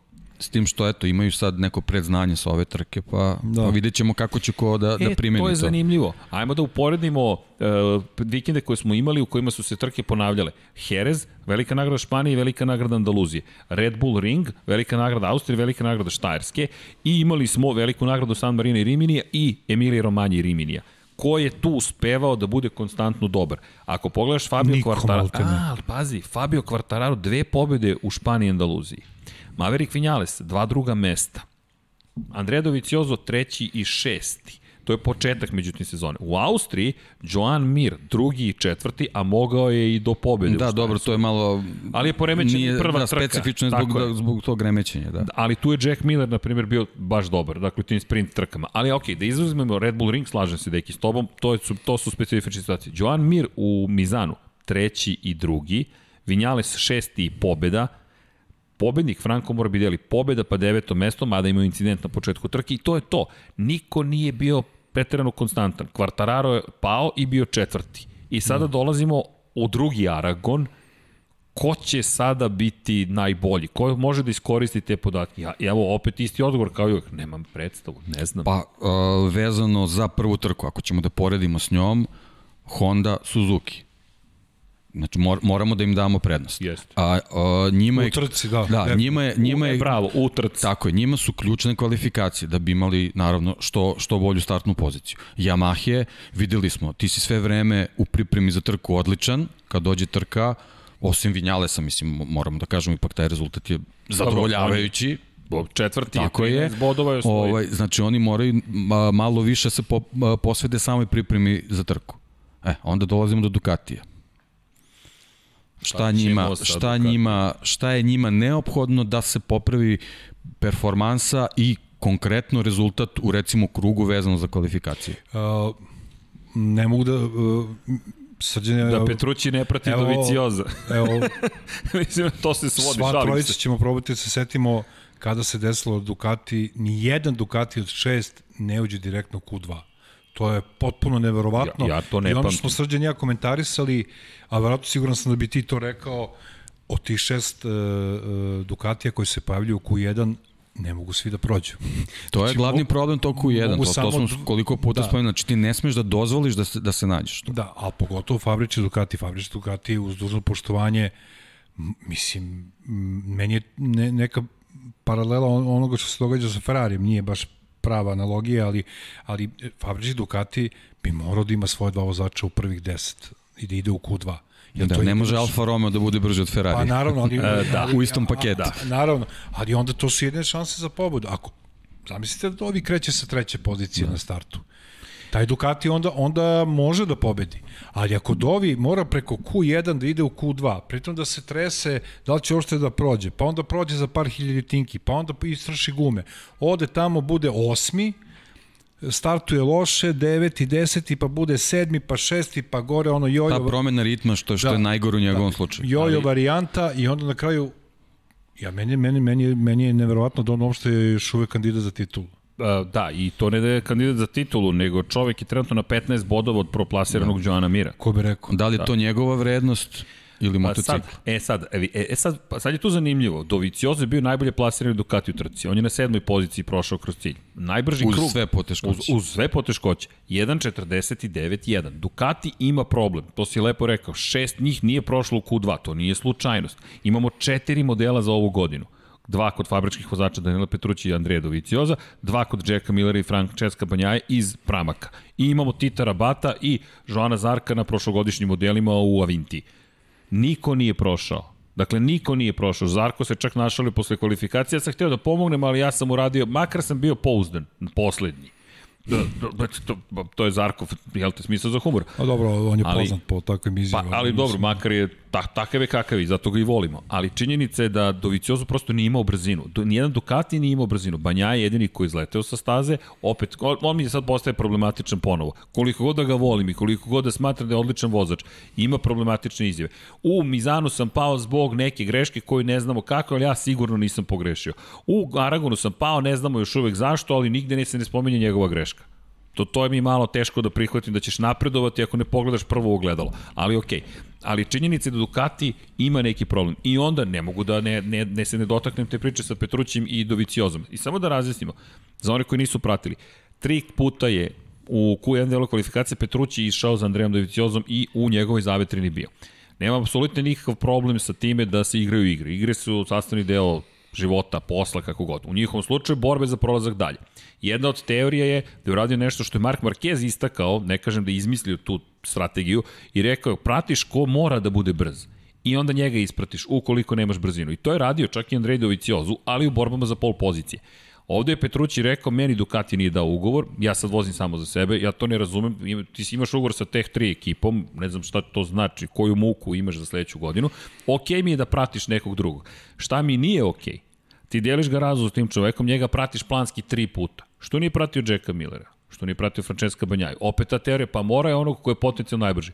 Pa za Jack Miller nije bio najbrži to Pa, a, generalno njemu je trebala zavetrina za, za taj zadnji, Za zadnji pravac. pravac. Svaki Ducati imao tu Tako je. 345, čini mi se. 351 I, čak i jedan je neko, da, ali nije, nije u svakom trenutku. Pa, da, recimo, da. 350, e, 345, 6, 7, to su bile neke njihove konstantne Da, maksimalne mislim da brzine. je 351 naj, naj, To je najviše što je u, ovog tako je, tako da. je. E, znači ti si mogao upravo to što kažeš, bilo koga od njih da pratiš, a on je meni mene meni je najviše zasmetala taj poslednji izlazak kad je napravio, on je bukvalno čekao, Čekao Dovicioza, da tako dođe. je. I, John i njega John izbaciš McPhee, e, izbaciš ga iz ritma i to je ovaj malo sve glavu. Nezgodno.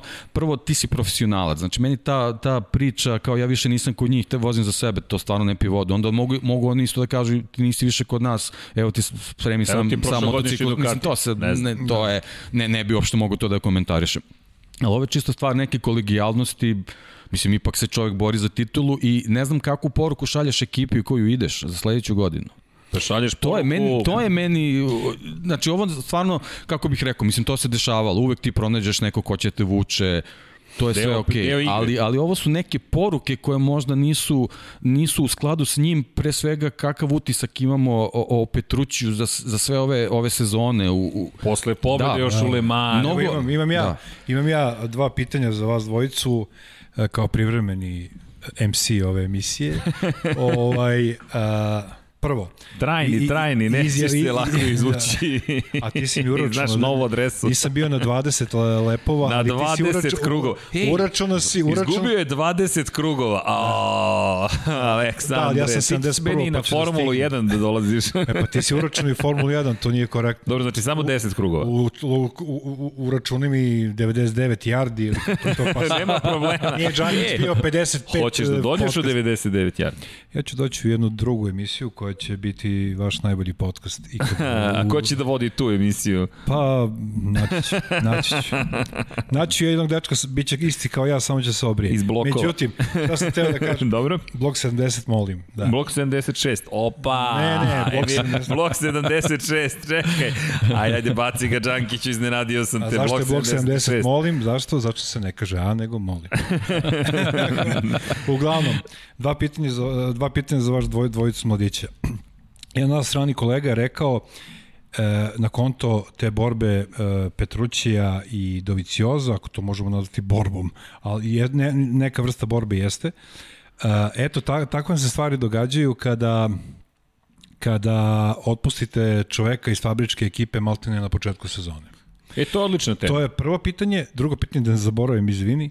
Ovaj, e, e, da li, to smo pomenuli, čini mi se u prenosu, da li je malo to stvari ega? Petrući je pobedio na jednoj, dve, tri najteže staze u kalendaru, Le Manu, koji je težak i po suvom, videli smo to prethodnih godina, a po kiši je gotovo nemoguće voziti, znate, deki i sađeni vi 24, 24 sata Le Mana na četiri točka, u mnogo drugačijim uslovima, pa se okreću kao ludi, a na dva točka to je tek, e sad to su ta dva pitanja ja više ne bi ovaj. Vidi, Da prvo, odlične su Da. teme, nisu samo pitanja. Dakle, Rest my case. Aj, rest my case. Blok 76 Pa ne, je da ne, progovorio. ostajem, da ne ostajem na vezi, ono trošim. da, da. Deki, o, hoćemo, hoćeš ti prvi Pa ne, ja vezano za, za, prvo, e, za prvo pitanje nemam odgovor nego konstataciju. Mislim, ove sezone postoji još nekoliko vozača koji su na početku sezone ostali bez angažmana. bez angažmana, pa se vidimo svojski trude ja, da, ja da, iskreno, da ostave dobar utisak. Ja delim Tako da to mi je ono... Tvoje mišljenje. A opet dru, drugo pitanje, opet vezano za to, prvo vezano za taj ego i vezano za njihov profesionalizam, ono što sam mi rekao, mislim, meni, meni te stvari nekako ne mogu da idu jedno s drugim, pritom uh, uh, taj ego može da se uključi u čitavu priču, ti ne možeš da budeš šampion ako nisi egocentričan. Pa, A to se kod onog drugog, jedan kod drugog šampion. uh, momka u ovoj priči Dovicioza i vidi. On je možda u nekim situacijama nije dovoljno bio egocentričan, da je bio možda bi se sad nalazio u E, mnogo je- boljoj situaciji. To je, to je baš... To je, Tako da to je onako baš priča za jednu dublju analizu, ovaj, sad u ovom trenutku zbog samih pozicija na tabeli, njihovih rezultata možda nisu baš zaslužili toliko vremena da im posvetimo, ali jednostavno a, a, iz trke u trku u raznim segmentima vidimo da tom Ducatiju ne funkcioniše baš sve kako treba. Pričamo za, za fabričku za ekipu. fabričku ekipu. Za fabričku ekipu. Ali, ali meni se tema mnogo dopada. P- Prva, te- prvo pitanje, dakle, da li je, da li, ako te razumijem implikaciju tog, to, to gospodina, dakle, ako otpustiš čoveka na početku sezone, ti si sebe doveo u problem i ti ćeš generalno imati situaciju kako se trenutno desilo u Ducatiju. Neki mikroincident negde pokazuje kako stvari funkcionišu ili ne. Nekoliko stvari. Prva stvar, Rossi je ostao bez ugovora na početku sezone. Ja ne vidim da je sa 41 godinom rešio da, da vuče noge u Yamahi i da kaže... ne da ćete uče vi- na Yamahi recimo da da pravi probleme Maveriku Vinjalesu na stazi. Apsolutno. Ili, ili Znači pričamo o stazi, znači o situaciji na stazi. izvini, ne samo to, tako i na stazi i da dovede sebe u situaciju da se uopšte time bavi. Dakle, bavim se sobom kako ja mogu da produžim ovoga. Pazi, pričamo o legendi ovoga sporta. Pritom je Rosija, izvini, deki sađene e, na nekim trka puštao vozača kojih je video da, da je spori, jednostavno Da, bez da problema, da, problem. nikakav problem, sklanjao se s idealnim putanjem, namazan tako da je. mogao, znaš, malo da... da U Herezu je to bilo. U Herezu je to da, isto tako je, uradio, tako kada, je. kada je Da. Mark Marquez ga preticao. Ti si baš to komentarisao. Da. Niko nije tu ulazio u incident, nema potrebe za incidentom. Ne kažemo da se nisu borili, ali ti vidiš čoveka koji je na nekoj misiji, dve sekunde po krugu je brži, ti možeš samo da zagorčaš život i da ga ugroziš. Dakle, i ne kažem da treba neko da se nekom sklanja, ne, ali prosto razume, ra, ra, po- razumeju dinamiku trke. Da dinamiku, situaciju, konkretan, konkretnu Tako je. krivinu Ako- moraš da razumeš. Ako ste podjednako brzi, naravno tu nema sklanjanja, ali Da. kako... Vidi, ali čak, čak je to i veći ekstrem, dakle to što se desilo u Herezu od ovoga o čemu mi pričamo. Ali šta hoću da kažem, Rossi je legenda ovoga sporta. Dakle, pitanje je bilo konkretno vezano za taj ugovor. Rossi izgubio ugovor, dolazi na njegovo mesto i to u Yamahi, s kojim je sagradio istoriju. Da, bio i deo te Repsol Honda istorije, nemoj zaboraviti. On je sa Repsol Hondom osvojio dve titule, jednu sa Nastro Azuro Hondom, ali dve u Repsol Bojanu. A s druge strane znamo kakva je Yamaha i kakva je bila kada je Rossi došao. Tako je, i ti sada od te ekipe očekuješ poseban tretman, dobijaš ga, ali i to ima neki rok trajanja. Istekao je rok trajanja, te saradnje. Ok, on se nije žalio, on je rekao, Lin Jarvis me zvao da dođe kod mene kući u februaru, znao sam, o, o, ovo su problemi. U njegovom šarmantnom italijanskom duhu. Ali šta je uradio? Rekao, ok, ajde da vozim bolje, ajde da se trudim, ajde da pregovaram i pregovarao. Drugi ekstrem, ajde da posmatramo sada, ako pričamo o legendi, dokazanom sedmostrukom šampionu Moto Grand Prix, koji ima 115 pobjeda ukupno, 89 u kraljevskoj klasi. Ok, to je jedna stvar. Ajmo Aleksa Markeza da posmetramo. On je čovjek izgubio ugovor pre nego što je sezona počela. Poslali su ga COVID Luče sez- Čekinal COVID Racing. sezona. COVID sezona. Jel rekao Alex Marquez, uprko svim pritiscima, te ti si brat Marka Markeza, nisi zaslužio to mesto, nećeš nikad ništa uraditi, smejemo ti se, nastavi da grešiš, padaš, bla, bla, bla. Ili je rekao, nema problema, ja vozim svoje i nije se bavio drugima. Čak se njegov brat više bavio drugima nego što se Alex bavio. Alex nije uopšte nik, ni, nikakvu poruku poslao, on čovjek vozi za sebe. Šta hoću da kažem? Otpustili su čoveka, svratili su ga, poslali u Ručići Kinalo Racing, to ga nije zaustavilo. Isti taj Danilo Petrući ima ugovor sa Teh 3 ekipom. Andrea Dovizioso nema ugovor ni sa kim. On nema ugovor, jer Andrea rekao ja ću sada da štetim Ducatiju. Nije. Ja da ne mogu da se složim s time, da generalizujem tako. To se svodi na čoveka, na profesionalca. I to je ovo što Deki spominje za Petruća. Ne kaže mi da on radi neki ogroman prekršaj, nije to sad, mi smo, da, posvetili to je vremena. samo, da, samo stvar te neke odnosima. konkretne situacije njihovih odnosa. Tako je. E, e, e, nije, kako bih rekao, nije, e, Petrući nije tokom ove sezone bilo šta loše uradio, Nije. da bi, nego poenta je samo što se Doviciozo to konstantno dešava i sezonu sezonu, da se a, dogodi neki detalj koji ga izbacuje iz ritma na taj način. Ali i, i lepo to je si samo rekao. to. Izvini, još jedna stvar. Da, Ja, Doviciozo šta je meni zasmetalo je rekao, pa ja sam dve godine pomazao, pomagao Petrućiju. A što? Jel ti Petrući to tražio? Pa nije. Pa jel ti sad Petrući duguje? To je najgora vrsta usluge. E, deki, ja ti pomažem i ništa ti ne govorim da ti tražim. I onda prođe dve godine ti kažem, Ako je e, nešto ali dobro ja u MotoGP-u, to je, to je što u, u, u, u njihovim trkama ne postoje timske naredbe. I to, To je, treba da ostane To treba tako. tako i da ostane, ali ovo, ovo je bilo nešto nešto drugačije, ne nešto što je, što je tu I pritom dva zasmetalo. Da. italijana. Da. Da. Nemo zaboraviti. A dobro, da. i to pride. I, i, i trka iz Muđela prošle godine, kada je, kada je uh, uleteo bukvalno Petrući i u Markeza i u Dovicioza. Dovicioza je rekao, on nije razmišljao šta radi. Dakle, bez ikakvog razmišljanja o posledicama. Ali to se isto desilo u Lemanu. Rins je uleteo, ko je pustio gas. Pustio Doviciozo. Da se vratimo na Marka Markeza. Da li bi pustio gas? I da li je pustio gas u Muđelu? Možda Mark Marquez iz 2021. sa ovom povredom i sa naučenom lekcijom, ali Možda. Marquez iz prošle godine, iz početka ove, ne verujem. Ne kažem ni da je bolje ni da je lošije. Ne, samo ne, to je stil jeste. vožnje, Tako je. jednostavno drži ti Tako gaz, je. bacio pa šta Ali sad? to, ce- to je cela priča o Ducatiju. Na kraju je Doviciozo u prvoj krivini već bio ispred Petrućija. Mislim, već je bio u prvoj krivini, već je to bilo ad acta. Više pojenta je moj... Da, to je ono šta bi bilo kad bi bilo, šta je. da je on bio u njegovoj uh, situaciji u poziciji na I startu. dolazimo na treninge 1 je i to. 3. Pa nemoj da dozvoliš sebi da budeš u Q1 i završit ćeš posao. I to, je, to je i bitno. to bar da je prvi put da, da, da mora da se muči s takvim stvarima Doviciozo, Nije. nego cele sezone, znači ako je Petrući napravio problem u jednoj toj trci, odnosno u jednom vikendu, u jednoj suboti, U, na jednom ni- pravcu. Da, da, nije, Na jednom pravcu, nije da. napravio problem od, od Tako je, ne od tako Katara, je. te I, kažem I zbog toga ja kažem da, da i, Španije. i zbog toga je to, to je ipak minorni deo u, u, u Detalj. čitavoj slagalici ove Tako sezone, tako Detalj. da, U tom ali, ali govori o tim nima. nekim odnosima i slanje tih nekih poruka. Jeste. Ali, ali okej, ne, ne, ne bežimo od toga. Zašto sam ja reagovao možda i emotivnije? Pa emotivno. Ne, ne, sve je okej, naravno. Taj trenutak je to zahtevao, sve je u redu. delimo Da. neke oznake i onda se pravim, pa ne, ja, ja ne znam ništa o tome. Meni je to malo tako. Ali okej, e, Ducati Ja se ima problem. setim, ja se uvek setim ovaj, uh, one fenomenalne izjave, izjave Tonija Arbolina od pre neku nedelju, mm -hmm. Kad govorimo o tim čukanjima, laktanjima i ono, kad je čovjek rekao, znaš, deki, ja mislim da si, ako si gledao Moto3, možda i nisi ne veze, možda si čak u MotoGP, ja, ovaj, uh, mi smo eto, gledali njegov intervju, ovaj, masa ljudi ne prati intervjue, nego samo trku. Ne, ne, ne, nije, prati se. Dobro, kažem, ne svi, neki kao odu da skuvaju kafu, neki odu po pivo, Hoćete čekaju kafu? MotoGP. pa, Nestalo je. Kajsi, ali ono, ja sam profesionalac, da. tako da. A ostalima ovoliko, svi profesionalci. Svi, Mi- kafa Nemo s ukusom. Đankić. Da, da, da, pa jeste. ovaj, šta smo, Toni Arbolino koji, Da. da. koji kaže, jo ljudi, mislim parafraziram, ali ljudi jedva čekam da odem u Moto2, ja u Moto3 ne mogu da, da izdržim Da, ostalo. upravo to. Pa evo sad smo imali drku. Mislim. Znaš, kao pređeš čoveka, trku? pojavi ti se pet ljudi ispred tebe na kočenju, ko su ovi ljudi, misliš da, da vodiš računa samo onom ispred tebe, Mislim, Vidi. i, I znaš da bukvalno poslednje krivine ti, evo kad je bilo, seća se ti deki, Pavi, on njegove pobede po kiši kad je 20-30 sekundi, onda ne znam, Gian, Gian Ondžio, tako neke ekstremne situacije Da, kad su da, promenjeni da. uslovi. Romano Fenati. Ali, Romano Fenati, da kad su mu pokazivali tablu, alo čovječ imaš 30 sekundi prednosti. Bukvalno, pola On minute najbrže prednosti. krugove, krug za krug. Bolje da su mu rekli, ma guraj bre, svo što brže, on bi rekao, ček, ček, nemojte vi meni kao da ja... To je ono scenino, kao da, da sam, to je bio jedini način da ostavim na stazi, kao pustite vi mene, kao, to ko, ako promenim ritam, gotov sam. Pa to ti Ja si u nekom filmu. Da. Ok, Sena, ukucajte ljudi, Stigla nam je zastava, stigli su nam nalepnice, svašta nešto. Evo je nalepnica, tu je.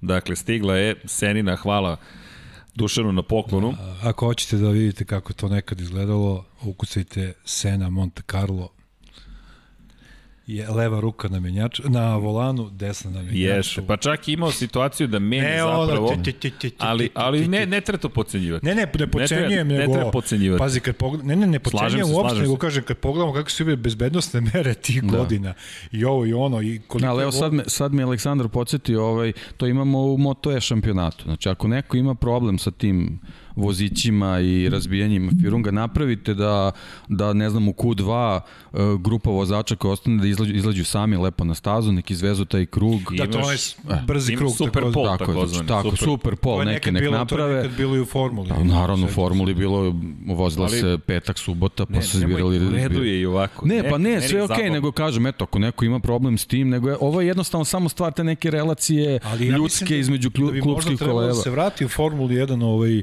taj e, jedan krug, ono, bio možda neko ko je, ne znam, recimo, ko, Čekaj, sad odo smo mi u Formulu Ne, 1. samo kažem, možda napravi neki kiks, Jesam pa ti rekao? Tako je, 10, tako je. Šta ima To je- veze? to je jedina A Ovako prilika, ako da. Mercedesu daš 10 krugova, da pa ko će Ne, ne, prevario se, prevario se. E, Dolaziš Kao ti... pre par godina Red Vanja, Bullu ili piši Ferrariju mu pre toga. 20 minusa. Dakle, pošto priča o Formuli 1, Ja ima sam samo 20 hteo da, nado, ja sam hteo da nadoknadim minus od 20 uh, sa pričom o nema Formuli. Je. nikakvih problema. Jedan od zahteva Sad da si na napravimo... 18 Evo, de, već. Deki me skapirao, ali ne vred. I vidi, dobili smo zahtev da imamo podcast od 5 ili 6 sati. Pazi, E, radit ćemo neku novogodišnju emisiju, zašto da ne? vidi, ali zamisli 20, da ma Vanja odmahuje glavom. Vanja, nisi čuo celu ideju. 24... Vanja, tebi ćemo dati da odspavaš dva dana pre toga. 24 časa Lab 76. Dakle, krenemo i onda komentari. Ne znam na što bi to ličilo, ali okej. lep, lep 760. Tako je. da manda nadoknadite ovo mladi, tu je propušteno. uvek razvoj je briga. pošalica. Razvoj brige koliko hoćeš. Jeste, ali e, podsjetio si me kad govoriš o Seni. Ne samo što je menjao rukom, nego u levo skreće i udara levom rukom menjač. dakle, ljudi, to je potpuno besmisleno. I, mislim, ići tako kroz onaj tunel u Monte Carlo, mislim, ljudi, Da, i pri čemu imaš turbo motor tamo iza sebe, da, ne a, hibrid, imaš turbo a, koji a, ima rupu onu turbo. Između točkova, mislim, znate kako je nekad formula izgleda, ne bukvalno. Jeste. Ali to je sada, ali sad si se dotakao iz ta ljubav prema Formuli 1 koji dan danas opstaje, ali kad se vratimo u vreme, to je vreme koje sada imamo praktično u Moto Grand Prix gde ti ne znaš ko će povediti, gledaš veštinu. Mene zaista oduševio, vraća se na Aleksa Markeza, način na koji pretica u toj posljednjoj krivini. I to ono što si lepo rekao, stabilnost, na, evo, evo, ga, evo je ta krivina, dakle, hvala Vanja, Vanja vredan uvek. Dakle, obratite pažnju na putanju. No, sve će da uradi samo da ne radi novogodišnje emisije. Da, da. ali, ali obrati pažnju na putanju. Dakle, možda samo tumačim iz jednog kadra, međutim, šta se meni dopalo? Način na koji je kontrolisao zadnji kraj. Mnogo me podsjetio zapravo što na rođenog brata, što na Lorenza u Ducatiju. Ako pogledate kako je skretao zadnjim krajem, to se mnogo promenilo. Čak je Takaki Nakagami rekao da bi želeo da vidi podatke Aleksa Markeza, šta je radio tokom trke. Različiti motori, međutim stil vožnje mnogo više podsjeća na Marka Markeza, gde je, zašto govorim, šta je rekao Lorenzo za Ducati? Skrećem kao da vozim čamac ko je vozio čamac zna o čemu govorim. Dakle, zanesete praktično zadnji kraj i čekate odgovor.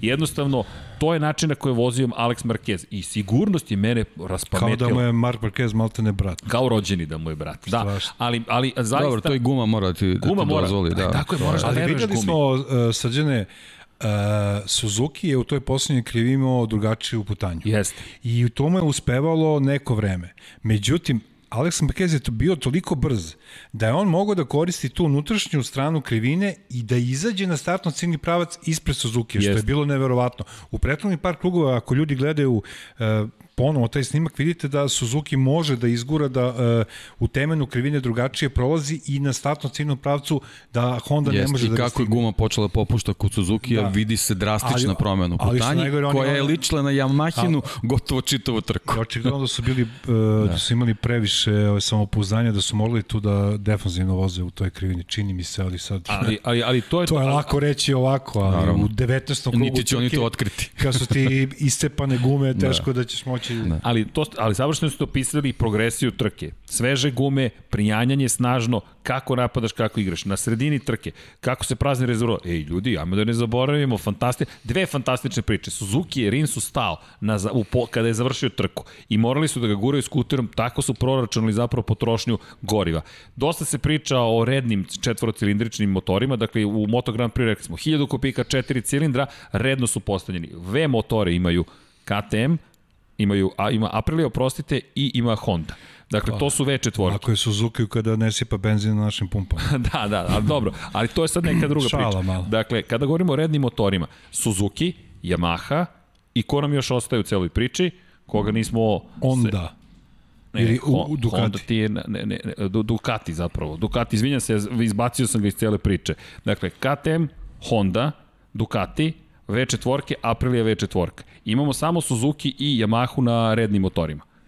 Moraju troše više goriva. To je ta priča o kojoj se dosta priča. Zašto su potrošili goriva? Da bi nadoknadili nedostatak snage, ka, snage, zapravo drugačijeg ponašanja na pravcima V4, o tome smo dosta pričali kada reč o Ducatiju, mi smo došli u situaciju da Suzuki mora potroši svo moguće gorivo, što je fenomenalno, ali Znaš na šta me vraća? Na Denisa Noesa. Pratite Denisa Noesa. Legendu. To je američki novinar koji radi inače na Eurosportu i koji je radio sa Tobi Moody kao taj inicijalni duo koji je makar za, ja mislim, Oni za nas trojicu. Standard, da, tako da, je, postavili da. standard.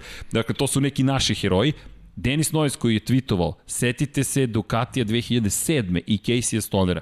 Casey kada bi prošao kroz cilj, planski ga je čekao skuter Ducatijev na polovini staze da bi ga dogurao nazad do garaže kakva potpuna genijalnost Ducatija, sada Suzukija. I koji je sjajno proračuno, gde dolazimo opet na te detalje. Koliko to, su morali da se pripremiti. To zvuči proračun, ali to je ozbiljan rad. To je ozbiljan e, rad. To sad u Ducatiju u ovim nekim trenucima nema ga. Ne, plašim se da ga nema. Da, pa nema, ali to tu je... To je čuvana priča, ako staviš previše smetaće, ako tako staviš je, tako manje, je, tako čao. Ćao. Tako da... Zato ovaj sport per, perjanica, ova disciplina perjanica svog sporta. Tako da, što, je, zato da. što si uvek na ekstremu. Tako je. I taj ekstrem ti donosi dobre rezultate. I gume, i, i gorivo, i vozačka sposobnost, sve bukvalno mora biti na najvišem mogućem nivou. Zato titula, da se vratimo, to više isto niko ne priča. Da li je titul ove godine zaslužena s obzirom da nema Marka Markeza? I više nego zaslužena. Pogledaj šta moraš ti da izdržiš da bi ti bio u konkurenciji za titulu šampiona sveta. I izdržavaju. Vinjale se inače nismo spomenuli u kontekstu titule, rekao smo najmanje šanse, 12 pojena zaostaje, Doviciozo.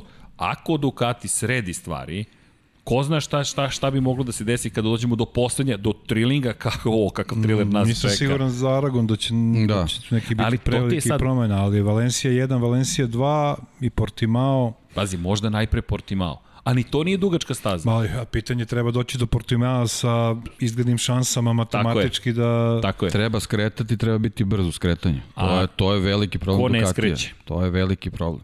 E, Jel, jel pokazalo se jednostavno ta maksimalna brzina u Aragonu Ne znači ne znači ništa. A zašto recimo, to mi je bilo uvek zanimljivo, zašto recimo Ducati, da li je moguće toliko tvrdoglavi, to se, vid, to se videlo i sa onim, onom pričom i sa Lorencom i teški su, ono, kao i Ferrari, ovo, da li je moguće toliko tvrdoglavi da recimo ne nazovu Casey Stoner i da kažu koliko para tražiš ovo, ono, aj dođi jednu predsezonu i da budeš recimo tu neki egzekutiv. Pa generalno m, moje nek, moje Ne da neko bude shvatanje cele situacije, da ono a, njegovo angažovanje kao test vozača je doprinelo nekom uspehu na kojeg se oni Ne, još, ne, ne. još uvijek šlepaju. Čak nisam ni mislio da bude test vozač, nego da bude tu neki... A ovde, ova sezona je veliki problem što mi nismo imali praktično pravu predsezonu. Da, da. To je u stvari, ja verujem, glavni problem i, I- i za druge ekipe, I ne samo... minimalne razlike Da. između dve trke, jednostavno sedam dana, ako se pogotovo, to pogotovo. Onda ono, o, ti si spomenuo test u Mizanu. Mislim, meni je, meni je neverovatno da vi ono, preskočiš kao popodnevni deo testova zato što kao rešio si sve svoje probleme ili... Koje probleme si rešio za trku Pri jednom? tom s druge strane imaš Yamahu koja do tad pobeđuje Tako je. Razni vozači poba, pobeđuju, znači imaš neke rezultate, ali se suočavaš i sa mnogo problema i ti si bukvalno do poslednjeg trenutka testa si na stazi gde se već na sledećoj da. trci vide rezultati. A evo sa Srđan To su neki luksuzi koji jednostavno, ne, to što kažeš, ja, meni, meni ne dokučivo kako razmišljaju, za, zašto se takve stvari uopšte dešavaju Baš njih. treba, ono Srđan što voli da kaže, što se ove sezone tiče, evo u Moto2 klasi smo imali speed up koji je briljirao. Navarro i Diđan Antonio, bukvalno kao uzet će ljudi titulu i speed up kao, međutim, oni su izgleda u toj ne volim taj naziv, navi- naziv COVID sezona, ali ajde, tako ćemo da nazovemo, jednostavno, oni se nisu snašli. Ček sad kako, nedlju dana, treba idemo ovde, šta? Ali, Ovo, znaš, vidi, ali, izvini, da se vratimo samo, samo ajmo Casey samo jedan Stonera. primer, mislim, nije. Da. Ajmo, ajmo samo da se dotaknem Casey Stonera i onda njih. Mislim da je ogromna razlika, eksponencijalno je velika razlika između Moto3, Moto2 kategorije i Moto Grand Prix klase. Slažem se. Dakle, to, to, to, to, to, to, to mislim da je nemoguće zaporediti. To samo liči jedno na drugo. Imate dva točka i motore su unutrašnje sagorevanje. Ali kada pričamo o Casey Stoneru, to je ono što je Deki spomenuo, Casey je postavio osnove današnjeg Ducatija. U velikoj meri zajedno sa Jorgeom Lorencom. Lorenzo je radio mnogo zajedno sa Casey. Stoner je njemu bio čak i mentor u jednom trenutku. Međutim, Casey je u jednom intervju, sada sam zaboravio sa kim je radio intervju, baš je bio podcast u pitanju za australijske novine, vrlo jasno rekao, ne mogu, zašto je napustio projekat Ducatija trenutni? Nisu hteli da slušaju njegove savete. Tu postoje dva problema. Prvi problem, govorimo o legendi ovoga sporta, koja je ceo život provela u problemima tog tipa. Mi tebi ne verujemo. Dakle, šta više Stoner treba da učini da bi se dokazao? Da se dokazuje? Potpuno suludo. Šta on ima da dokazuje? To je čovek koji je jedini osvojio titulu za Ducati. Ikada. Pa jedno da sedne na skuter i da osvoji titulu i da mu kažu, e pa dobro, Otpor- stvarno si da. vozač. mislim. Ali mislim da mu ni tada ne bi verovao. Pričali smo o tom incidentu sa Hondom na 8 časova Suzuki, gde on pada i kaže zaglavila se sajla gasa. Honda izdaje saopštenje gde kaže polako, nije to baš sigurno da je sajla gasa, impliciraju vozačku Eto sad grešku. kad si spomenuo Honda, mislim, on je generalno postavio i temelje indirektno o, Tako ovog je. uspeha Da. Honda. Tako je. On je to je motor koji su nasledili Marquez i mada je Pedrosa i već bio tu. I on je i tu u tome učestvovao. Honda koja izdaje saopštenje, ne, ne, ne, to implicira, ne, to je Casey pogrešio. Tri dana kasnije ispostavi se da se zaglavila Sajla Gasa. Da. On je čovjek polomio obe potkolenice u tom incidentu. I njega je uvredilo to što se dovodi u pitanje njegova stručnost. I on je rekao ne. Ducati Potom, drugi problem, ne posluša Stonera. Koliki ti luksuz imaš da čoveka ne poslušaš? Da, kao da imaš 10 titula za redom. Pri tom ga ti angažuješ. Da. Niko da. te nije prisilio da radiš s njim. I sad zašto I neće da dođe? titulu. I, da, jedinu. Pazi, jedna jedina titula u istoriji Ducatija. Jedna titula. A mi pamtimo taj Ducati sa brojem 27 kao da je kultna, kultni objekat u pitanju. Da. I, I jeste kultni, ti kada pogledaš taj do, motocikl, to je taj šampionski. I zato Stoner neće da se vraća. Postoji još jedan problem, ti si ga spominjao pre početka emisije. Čovek ima ozbiljan zdravstveni problem. On pati od takozvanog hroničnog umora. To je Sindrom hroničnog umora. Sindrom hroničnog umora. To je, to je fizi, psihofizičko stanje. To nije nešto što se tek tako rešava. Ljudi mnogo to pocenju, nemojte pocenjivati. Evo imali smo divnu stvar kada je reč o generalno o Formuli 1. Dakle, Mind Maze su spominjali i Lando Norris i Carlos Sainz, vozači McLarena, tokom dana svesti o bolestima, o psihičkim bolestima. Ljudi, to je takođe nešto sa čim se suočavamo. Dakle, Casey Stoner je neko ko ima neku drugu vrstu problema. Prvo, dok je shvatio da, je, da nije tolerantan na laktozu, to je bio problem za 2009. godinu, potom hronični umor, to je sindrom hroničnog umora i nije lako da se vrati. Nažalost.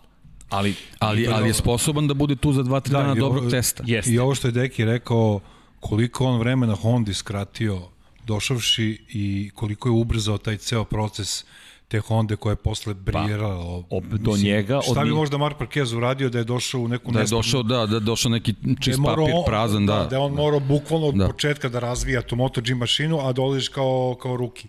Pa Vreme čekaj, brzo prođe, pa naravno. brzo prođe Ali vreme. dve stvari, imao si Danija Pedrosu i imao si Casey Stonera u tom momentu, čak si imao i Andreu Dovicioza. Nemojmo zaboraviti da, su oni u jednom momentu tri, delili da. garažu. Da. Dakle, 2011. To su sve vozači koji vrlo dobro znaju da prenesu utiske sa staza. Tako je. Koga zove Mark Marquez sada da dođe u Hondu? Andreu Dovicioza, da razvija tu Hondu. Da. Dakle, Da, ne zato što su drugari. Pa ne. postoji, postoji razlog zašto se to radi. veliki rivali. Da. Ali, ali, ali je to, tako da to je odgovor, tu su, Pa to su dobra pitanja. ja čini mi se dva, dva najteža poraza u karijeri doživao upravo protiv Dogi. Jeste, Doviciozo i Rins. Rins, to je više na nekom ličnom nivou, taj poraz u Silverstonu, ali to su porazi na, u pobedama, ali poštovanje postoji. Niko ne pocenjuje ono što može da učini Doviciozo Da, ili Rins. To što je Kamoli bilo Marquez. prošlo je, tako da... Međutim, lepo si stvar otvorio. To je pitanje zašto Jorge Lorenza nema na stazi. Nema Jorge Lorenza, Lorenza na stazi kao zamenu za Valentina Rosija, kažu zato što nije fizički spreman. Ja verujem da on nije savršeno spreman, ali ko je odgovoran za to? Čiji je on probni vozač? Da, Yamaha. pa eto, vi- videli ste, mislim, Portimao, uh, jedan vrlo važan test. Znači, koliko su sve pohvale dobili za Mizano i šta su radili na tom testu, ti dolaziš u Portimao gde se upoznaješ sa nekom novom stazom, on nema poslednju evoluciju trkačkog motocikla, što je ključno Ne, da bi deki, dobio najvažnije informacije. Nema Ja- ovogodišnji model. Pa, on ima prošlogodišnji model šta, koji nema što bi, radio, što bi radio ako, znaš, prošle godine, prošle godine, Ne da valjda ćeš da probaš motor. Potpuno je sve, jedan, mogo, mogo, je, 2021. mislim. mogao i serijski superbike da vodi, vozi u tom smislu. Pa, uopšte nije morao, apsolutno I nebitne I informacije. mislim im je da se tu doneo. nešto valja iza brega. Zašto? Aleš Espargaro, Maverick Vinales, svi su reagovali i rekli pa ne zaboraviš ti tek tako da voziš motocikl. Ne verujem da bi Lorenzo sada bio super dobro pripremljen i da bi bio neviđeno brz. Ali zamisli da daš Jorge Lorenzu dva trkačka vikenda, da ti sedi na motociklu i da tu dobiješ njegove povratne informacije. Drugo, Jorge Lorenzo, kako je to, kako je to vađenje, nije fizički spreman. Pa trči on Soko Stark maraton, mislim, pa treba da bude... Ne, ne, ne, vidi. Pazi, naravno treba budeš fizički spreman da bi vozio tu mašinu, ali ne verujem da je Jorge Lorenzo sad, ne znam, Ali- toliko da baš nije mogo da se pojavi. Pa, u ostalom, možda su to rekli, izvini, možda su to rekli u kontekstu toga što on njima potreban potpuno fizički spreman na uh, evoluciji motocikla koji će koristiti trku da bi im dao sve korisne informacije. Da, Da, ali- jel, jel njegovo zostaanje za par desetinki na tim testovima mnogo menja kompletnu sliku od onoga što oni trebaju da saznaju. ali uzeo bi verovatno neki bod, s obzirom kako je trka Pa bila. vidi, da bi Pa, uzeo poene, to čak i nije toliko bitno, ali deki, dakle, ti, ti si mišljenje da ipak, je, ipak ne bi mogao toliko da im pomogne. Samo pitam, ja, ja, nis, ja nisam verujem, siguran, jednostavno ne, ne znam. Ne znamo, Znaš, ne, ne, ne, ovo je znamo, sad da. spekulacija klasična sa naše strane, nismo u garaži Mahi, ali ja i dalje verujem da bi bilo dobro da ga pustiš, da ti, da, da, da makar da ti, da, da sedne ta dva vikenda, da, da ti da povratnu informaciju. Jer šta se desilo sa Racing Pointom, ne znam da li ste ispratili, Racing Point je priznao da je trka u Silverstonu Nika Hulkenberga i povratne informacije koje je Niko dao zapravo su bile kritične za njihov dalji razvoj i unapređenje mo- automobila, da. Da. bolida. A dobro, možda To je to, i, fascinantno. možda sad u tom kontekstu ne treba gledati MotoGP, nije, nije, nije ovaj isti svet, jer ja, ja verujem možda je možemo samo da nagađamo. Možda je, možda je Lorenzo i, i on je učestvovao u tome u odluci da li će voziti ili neće gledajući Bradla, na primjer. Znači njemu ne treba da izađe na stazu i da se vozi sa Rabatom i, i Bradlom. Ponovo. Ponovo. Da, Znaš, okay. tako da možda, možda okay, ne znam, kao, kao, što, kao što čekamo Marka Markeza i što si ti uveren da će Mark Marquez kad bude izašao na stazu biti fit ja i top. Ja sam ubeđen. Verujem da, da i Jorge Lorenzo ipak ima i, i taj deo svog ega govori da Upravo ipak nije, da, nije. Ima, okay, ima Pri tom znamo kakav je. Znači Jorge, Jorge Lorenzo na stazi je švajcarski sat. Yes. Znači on ako, ako možda on nije siguran da može da bude to, Znaš, ima smisla. Naravno, bilo bi mnogo, mnogo bilo bi lepo, pazi. bilo bi lepo imati na stazi svetskog šampiona. Pošto sad ih nismo. Da, sad ih sad ih nismo imali ovaj, ali voz nije loš. Ne znam, ne da, da znam. Da, ali okej, okay, svakako ga nema. Mo, no, to, kada govorimo o testiranjima, mi, mi smo završili s testiranjima. To što je viđeno to je, je viđeno. Da. Mi smo u završnici, još četiri trke do kraja. Nego, u gde smo sve otišli. Takaki Nakagami, samo ne znam da li se sećate njega, je peti u šampionatu sveta i dalje. 29 poena zaostaje za prvoplasiranim. Sećamo se, vozi u Aragonu. tako je, tako je. I juri to pobedničko postolje. Pazi, Franco Morbidelli je šesti, 34 poena zaostaje, ali ja, nažalost, ne vidim previše od Franka Morbidelija. Šesti je prošao kroz cilj i ne samo što je šesti prošao kroz nekako tokom celog vikenda me nije uverio da će se boriti za pobedu. Nije on spor, samo kao da opet nedostaje taj jedan delić koji je nedostajao i prošle godine. To mi je neki neki utisak. Bio je četvrti na startu. tražio od fabrike uh, poklon za novu godinu, a da. to da mu daju fabričku mašinu. Teško. Mislim da se to neće desiti. Čak mislim da te izjave, kogod možda bilo u šali, smajli i ovo ono, mislim da je, ta protiv fabrika ne možeš baš, nemaju oni smisla za šalu. Ne znam, i to i, i što stalno spominješ ta COVID sezona koja će sigurno uticati na sledeću godinu ako oni u ovoj godini ne mogu na vreme da isporučuju sve nove delove za sve, sva četiri motocikla, kako će biti sledeće godine? Ne znam. To će biti Tako baš da, teško. To će biti jako teško. Ja bih volao da sledeće godina... Imamo zove... i Hondu koja, koja razvija nov motocikl, gde isto im, i, a, svi vozači koji budu sledeće godine u Hondi imaće podjednake ambicije. Kako će tu biti raspodela delova? Mislim, nadam se, oni su ipak veliki, da će ovaj jedna i druga fabrika uspeti da, da, da, da spakuju te, te poslednje da evolucije, da ali vidjet će. sezona se zove vakcina sezona. Čekaj, sećate ko vozi za, sećate, da može vakcina. Je se tom, sve... pre te sezone mi imamo i predsezonu koja je da. ključna. Šta ćemo tu dobiti sve, vidjet ćemo. Pitanje je da li će biti tu nešto. To je, to je veliko pitanje, A, tako je ne možeš baš da voziš na Sony 5 ovaj, pripreme za sezonu. to nije to, to nije to nikako. Imam, ali Da, da li se sećate? Mada je blizu, sve bliže i bliže, ali mnogo bliže formula nego MotoGP, moram da priznam u svo dužno poštovanje ljude koji prave to, ali Codemastersi su napredovali strašno. Što se Formula 1 tiče, videli ste Leclerca, brojne vozače koji su u pred COVID pa, sezoni. Ne, da, ali da, ne da, možeš, da. ja mislim da je, da je nemoguće, ne možeš da napraviš simulator za motociklizam. Teško. To je, Teško. To je, to je nemoguće.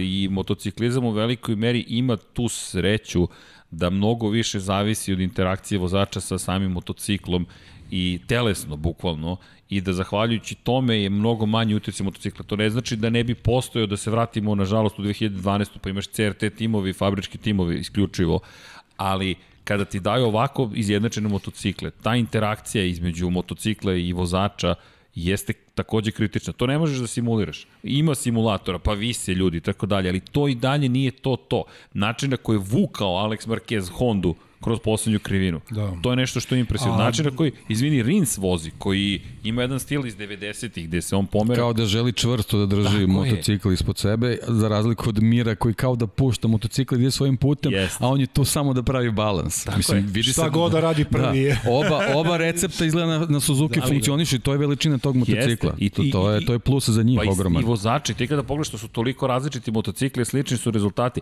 nego htio da vas pitam da li, znate, da li se sećate ko će sledeće godine voziti za tu Hondu. Mi imamo Marka Markeza. Za, ob, za sve četiri Honde, ko će koristiti? Znači imat ćemo Marka Markeza, imat ćemo Polića, Aleksa. Paula, Paula Espargara, a Aleksa Espargara u LCR-u. Čekamo Takaki na Kagami. Verovatno, da, Da. mislim, I verovatno Pogotovo ukoliko pobedi, ili bar dođe do pobedničkog Pa postupka. generalno Japanac je, ja mislim da njima imponuje da imaju ovo. Pogotovo ukoliko, Da. ukoliko budu im, budemo imali Ja- Japan sledeće godine, to bi Ljudi, to je onda pun pogodak. Pa, I- i verovatno- mislim, realno, i- realno, naravno, ja ne znam sad Da. šta bi trebalo se desiti da, da, on, da on ne dobije tu poziciju. Ali imaš još jednu stvar. A pritom zaslužio je da budemo Apsolutno, realni, da. apsolutno, da. I još jedna bitna stvar u celoj priči. A to je da će dobiti verovatno fabrički motocikl. To se pričalo ovoga vikenda. Ko neće onda? E pa eto odgovora na Ali pitanje. da li će ih biti četiri onda? Pa to ti govorim, To je to. ko onda neće. Znači, šta, šta Alex onda znači šta, ako ode tamo i dobije neku, opet neku ovo- ovogodišnju i ovo verziju. nanovo, da. Da, Pa- onda sve iz početka. Više je, možemo reći, više je to iz perspektive poštovanja prema vozaču i to je veza između, između Repsol Honda koje je, može, i to je ikona Moto Grand Prix-a. To od vremena još Mika Duona se vuku koreni. Dakle, Mik Duan, pričali smo o tome, Alex Krivije, Valentino Rossi, Nicky Hayden, Casey Stoner i Dani Pedrosa, iako nije svoj titul, Mark Marquez. Pazi, to je samo sedam vozača koji se navio, nisam navodio sve ostale. Alex Baroš je tu takođe bio. I mogao je- Andredović Joze vozio taj, taj Ja, ja motocikl. čak mislim da je i bi Alex Marquez nastavio I sad. Alex Marquez. I sad, pa sad, sad, I sad ti njega, njemu kažeš, ok, ti nisi za Repsol Hondu. To je ta poruka, nije to pitanje samo motocikla. To je više pitanje tvog statusa. To nije mala stvar. Da li se sad kaju? Pa to je isto kao Ducati sa Lorencom. Da li se kajemo što smo dali otkaz, on počeo da pobeđuje? Verovatno. No, Alex ide svojim putem. Mislim da mu neće biti loše, loše nužno Lučić i Kinol Racingu. To je ozbiljan tim. Mnogo je napredovo i sa Kračlom i sa Nakagamijem. Tako da on i dalje verujem da će imati ozbiljne Mada možda rezultate. ono, obrnuta psihologija, Alex. Aha, znači ne mogu da savladam to Repsol Honda. E, Sad ćete da vidite. Ali ja, ja iskreno mislim da će Alex otići u neku drugu fabriku. Jer ne vidim, ako se ne otvore vrata od toga da se vrati u Repsol Honda, to nije momak koji zasluži da bude u satelitskoj ekipi. To je dvostruki svetski šampion. Ja duboko verujem, a, mislim da će Hondi biti žao ukoliko ga izgubi, ali duboko verujem da njegovo, njegov put pravi razvojni, da nađe svoje mesto pod suncem negde drugde. Ne zbog brata, ne bukvalno ne zbog brata, nego zbog toga što nema mesta u to sam Repsol htio da Hondi. te pitam. Ukoliko tako postupe prema Aleksu Markezu i ne, ne bude vozio ni za Lučiće Kinelo, a znamo da neće voziti za Repsol, da li se to onda pita i brat koji će da kaže, pa ček stani, što ja ne bi otišao Ducati, ja se izvinjam. A- I ovako me svi cimaju, a ok, dobar si na Hondi, ajde da te vidimo ovo ono. E sad, Znači, izgubi, izgubiš dva potencijalna svetska šampiona. da se nije povredio, pazi, O, braću Marquez. Zašto Alex ne bi mogu da osvoji titul? Vidi, da se- Ne vidim razloga. On bi sledeće godine, to je Repsol Honda bio samo bolji. Tako je. da se nije povredio, ja mislim da bi Mark Marquez razmišljao u tom smeru. Ali ti sad imaš povredu, ti imaš jednu veliku nepoznanicu. Zašto bi sebe dovodio u situaciju da imaš dve ili tri nepoznanice ili pet? Ti imaš sada tim koji poznaješ. Ti imaš motocikl koji mnogo bolje poznaješ nego bilo koji drugi. Imaš povredu za koju još uvek ne znaš kako će uticati na tebe, jer mi, oni odvezu jedan trening sa tom rukom. Kamoli ceo trkački vikend, kamoli 20 trkačkih vikenda u jednoj sezoni.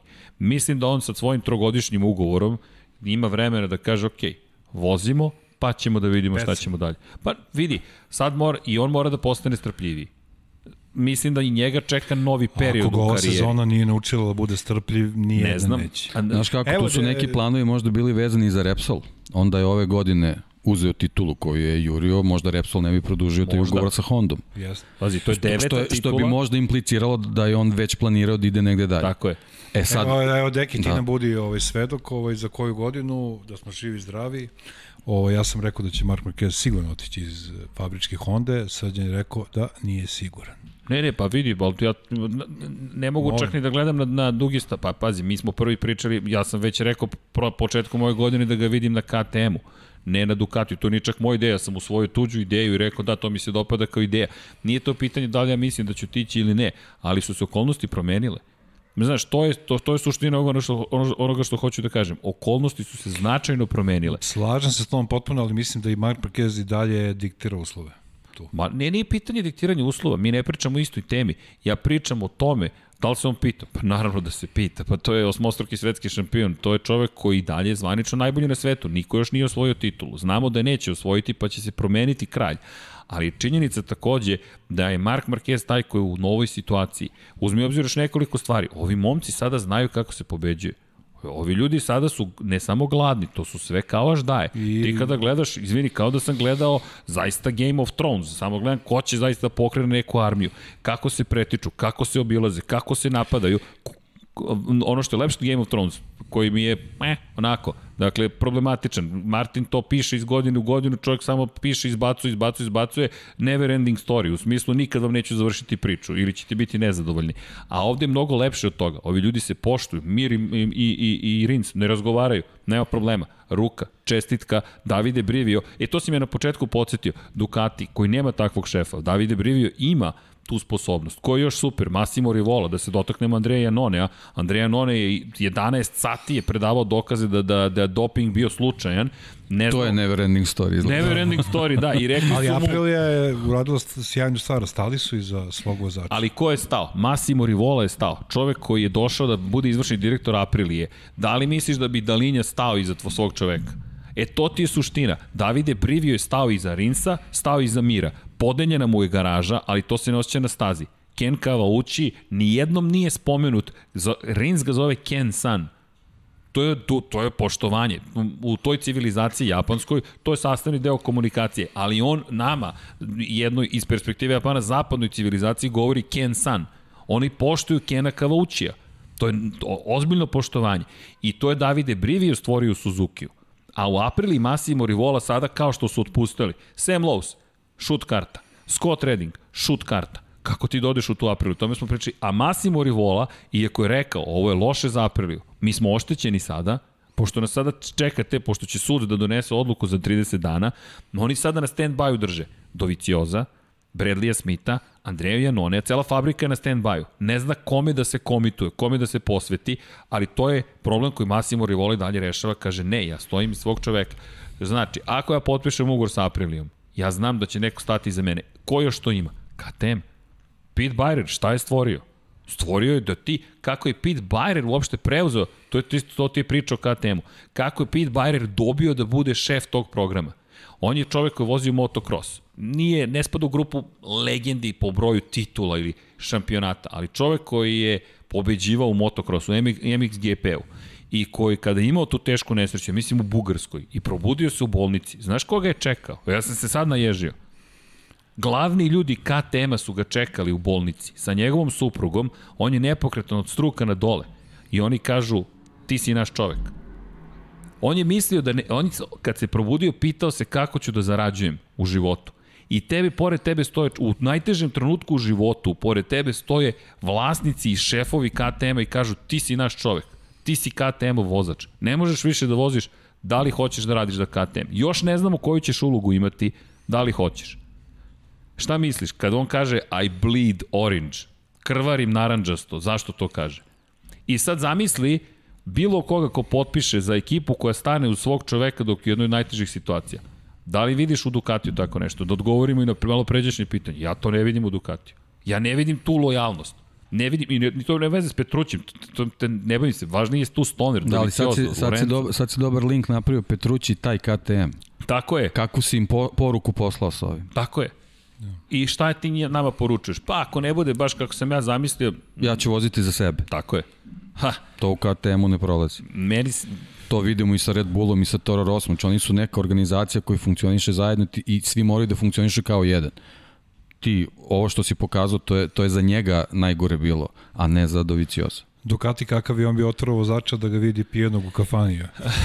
kao, pa vidi, sad možda bi ga ja oterao. Da. Pa mislim, on, ne mislim dan pre trke. Šalim se, naravno, dobro, ti, ti znaš da smo ti ja. Da. Ja sam Amiga, ti si PC. da, da, ne, ja sam Commodore 64, ja se zvijem. Pres plavu on tape, ali, znaju ljudi ali, što to znači. ali da, ali, ali činjenice da kada pričamo o svim tim stvarima, pogledaj čega smo se sve dotakli. A krenuli smo od Takaki na Kagami, ko će dobiti dobiti četvrtu Hondu i kakav je tu uticaj na ako, ako budu četiri Honda. Honda, to je stvarno podizanje na novi nivo. To je novi nivo. Ako uspeju da spakuju. Ali kako je Honda odgovorila Prvo, da li žele da to uradi? U moto trojkama, kad je KTM krenuo da subvencioniše. Honda je rekla, e, subvencionišete? Šta je, e, šta je pozadina priče? 23.000 evra mora da košta motocikl u moto trojkama. I to je dogovor koji Honda napravila s KTM i ostalim proizvođačima. Kako bi omogućili da mali proizvođači učestvuju u moto trojkama? KTM je rekao, važi košta 23.000. Aleksandra Đanki će da plati 23.000 da kupi motocikl. Ali zapravo taj motocikl u proizvodnji košta 500.000 evra. A odakle razlika od 477.000? Pa desilo se. Šta se desilo tačno? Možete da nam pomognete da mi to nekako razumemo. Pa desilo se da smo zapravo iz marketičkog budžeta izdvojili razliku u parama, izvršili subvenciju kod su država i razliku od tih skoro pola miliona platili. Zašto? Zato što je za marketinško odeljenje izračunalo. Ako pobeđujemo moto trojkama, ne moramo da kupujemo reklame. I onda je Honda shvativši da je suštinski prevarena, Honda koja nije baš politički najkorektnija, koja je uništavala cele kategorije kad joj nije odgovaralo, je rekla... 250-ice, na primjer. No, ili 125-ice, takođe, pa i 500-ice, je rekla, ok, tako igrate, važi. I onda je ona krenula da subvencioniše i ti sada imaš dva prototipa na stazi. Niko ne može da uđe u Moto trojke, niko, niko. Nema. NTS, japanski proizvođač u Moto dvojkama, je ušao u Moto 2, jer tamo možeš da uđeš još uvek, u Moto 3 da uđeš. Tebi treba budžet, ne baš ko za Moto Grand Prix, ali nije ni daleko od toga kako se stvari, I pritom kako igraju igre. garantuje da ćeš uzeti jedan bod u sezoni, a kamoli bilo šta. Kamo, osim ako angažeš Romana Fenati, onda ćeš imati pobedu. a da, osim se nikad Ali ne. dobro, ali da, ali, ali da, da, da se dotaknem i Moto dvojke i Moto trojke, zapravo nismo, nismo, ono što je zanimljivo meni iz ove trke, koliko god je bilo fantastično uzbudljivo, koliko god, bilo je najuzbudljivije možda cele sezone, jasno se već vidi razlika ko šta može da postigne. Jedini izuzetak, ako pogledamo ispod vodećih 6-7 vozača u šampionatu, je Alex Marquez. Sve ostalo je već očekivano. Mir na pobedničkom postulju. Maverick Vinales četvrti. Dežurni krivci. Dežurni krivci, tako je. Andrej Doviciozo sedmi, to je njegova pozicija. Peti Takaki na Kagami, bravo, drugi najbolji plasman ove godine. Franco Morbidelli šesti, kada mu je loš dan šesti. Alex Rins, on je sada sedmi u šampionatu sveta. Ispred je Jacka Millera. Ljudi, jeste svesni da je Rins ispred Millera. I dodaš na to Aleksa Markeza koji je 12. trenutno u šampionatu. A kakva igra sudbine, baš zbog tog Jacka Millera je doživeo povred. Da. Da, igra sudbine. Ali evo ti ga Rins. Rins je sada na samo 36 pojena. Još jedna pobeda Rinsa, neka drugi bude mir, smanjuje razliku na 31 point, 3 trke pre kraja. Samo da me gledalci pogrešno ne shvate, nije konkretno zbog Jacka Millera doživao ne, ne, povredu, ne, ne, ne. već je želo da izbegne... Spasao mu život. Da. Bukvalno mu je spasao život. Tako da, već se vidi ko tu šta može da postigne. Nema više takvih iznenađenja. Binder popustio, Pole Espargaro, to je neprijatno iznenađenje. Nismo spomenuli KTM. Ljudi, šta da, ćemo pa, očigledno ta konfiguracija staze. Oni, oni spadaju u grupu snažnih motocikala. Nema ni jednog. Nema, nema jednostavno. Mada treba reći da, eto, Brad Binder nekako kao da nije, ne, ne uspeva i još uvek nije uspeo da se postoje odjednom alterne zvezda MotoGP-a s tom pobedom i kao da je kasnije ne malo, ne mu kaže malo pa u formi, ali možda malo pa u formi, ali u MotoGP-u to mali pad u formi ti znači da si 12. Da. Možda pre 5 godina bi bio peti, lupam, na primer, a sad ti znači da ono što smo pričali, deki da ne uđeš u Q2, pa drama, pa, pa ono, znači jedan loš vikend, frka za bodove. Pa, da, ali to nije više, na, lepo si rekao. I to bez Rossi i Markeza, znači dojete tu dvoza, dvojicu vozača koji bi sigurno bili u, u bodove, a možda i pobedničko postoje. I ko, ko znaš bi postoje. I pohvale za Kala Kračlo. Dakle, bez obzira ni na kvač ili na probleme, osmi je bio na cilju. Tako da, Honda... Da, i on izgleda fizički spremniji već, da. prošlo je, je već neki period. Na, na improvizovanoj konferenciji za štampu posle kvalifikacija, da je pogrešio u krivima 2.11 i da je mogao da skine tu desetinku, prema tome to, bi, to je čak moglo da bude i pol pozicija. Što nas vraća na Hondu, opet je Honda da. I ono što ti rekao, Deki, ja mislim, slažem se, mislim da je da bi Karl Klačo, bez obzira što je dalje rekonvalescent, bez obzira što rame i dalje nije u redu. Uh, On ti je deveti pobednik. Da, o njemu nismo razmišljali. Ali ja mislim da bi bio Čekaj, na pobedničkom postupku ili da bi pao. Znači, da. kod njega nema... Da, kod njega nema, nema, nema, nema sredine. Pa na da, koga da, to podsjeća? Da. Na Rinsa. Pa da.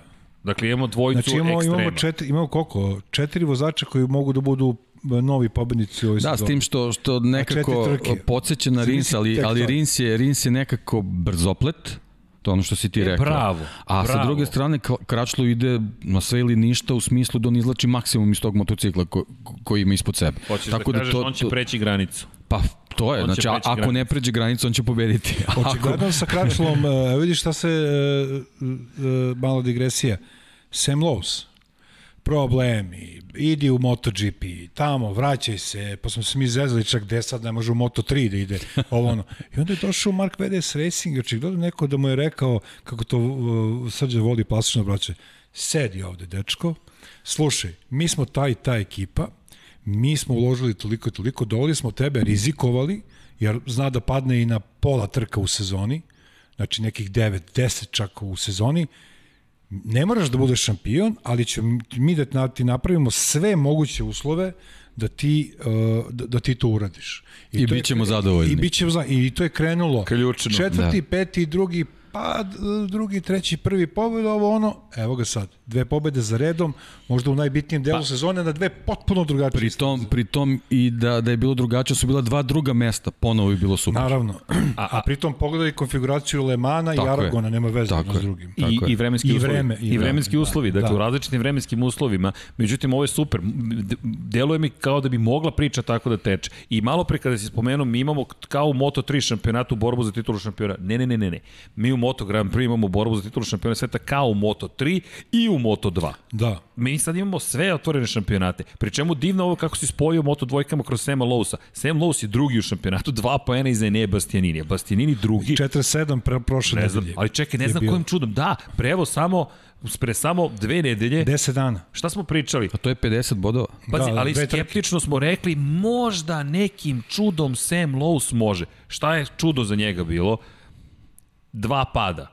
Jedan, Marka Becekija, prošle nedelje, kad dok je vodio, i drugo, pad Luke Marinija u Le Mans. Koji se izgleda još uvijek nije oporavio. Marini nije osvojen nijedan poen u ove dve trke. Čak I, mislim čak i treći pad, Jake Dixon. I Jake Dixon, bravo, i Jake Dixona. da, to je, što je taj ključan pad koji je promenio sve. I to je ogledalo, sad da. imaš ogledalo. Ovo je bio Sam Lowe's, on je taj koji pada. Ne, ne, momci, ja više ne padam, a vi sada padate. I nešto samo što ne pada, nego što je ekstremno siguran. Da, da. Tako je. Ne liči na sebe uopšte. Ona izjava, sećam da. se kad je rekao, uh, vidio sam Jacka Dixona da je strašno brz, kada mu se približim na 4-5 desetinki, vidim da postajem nervozan, znaš.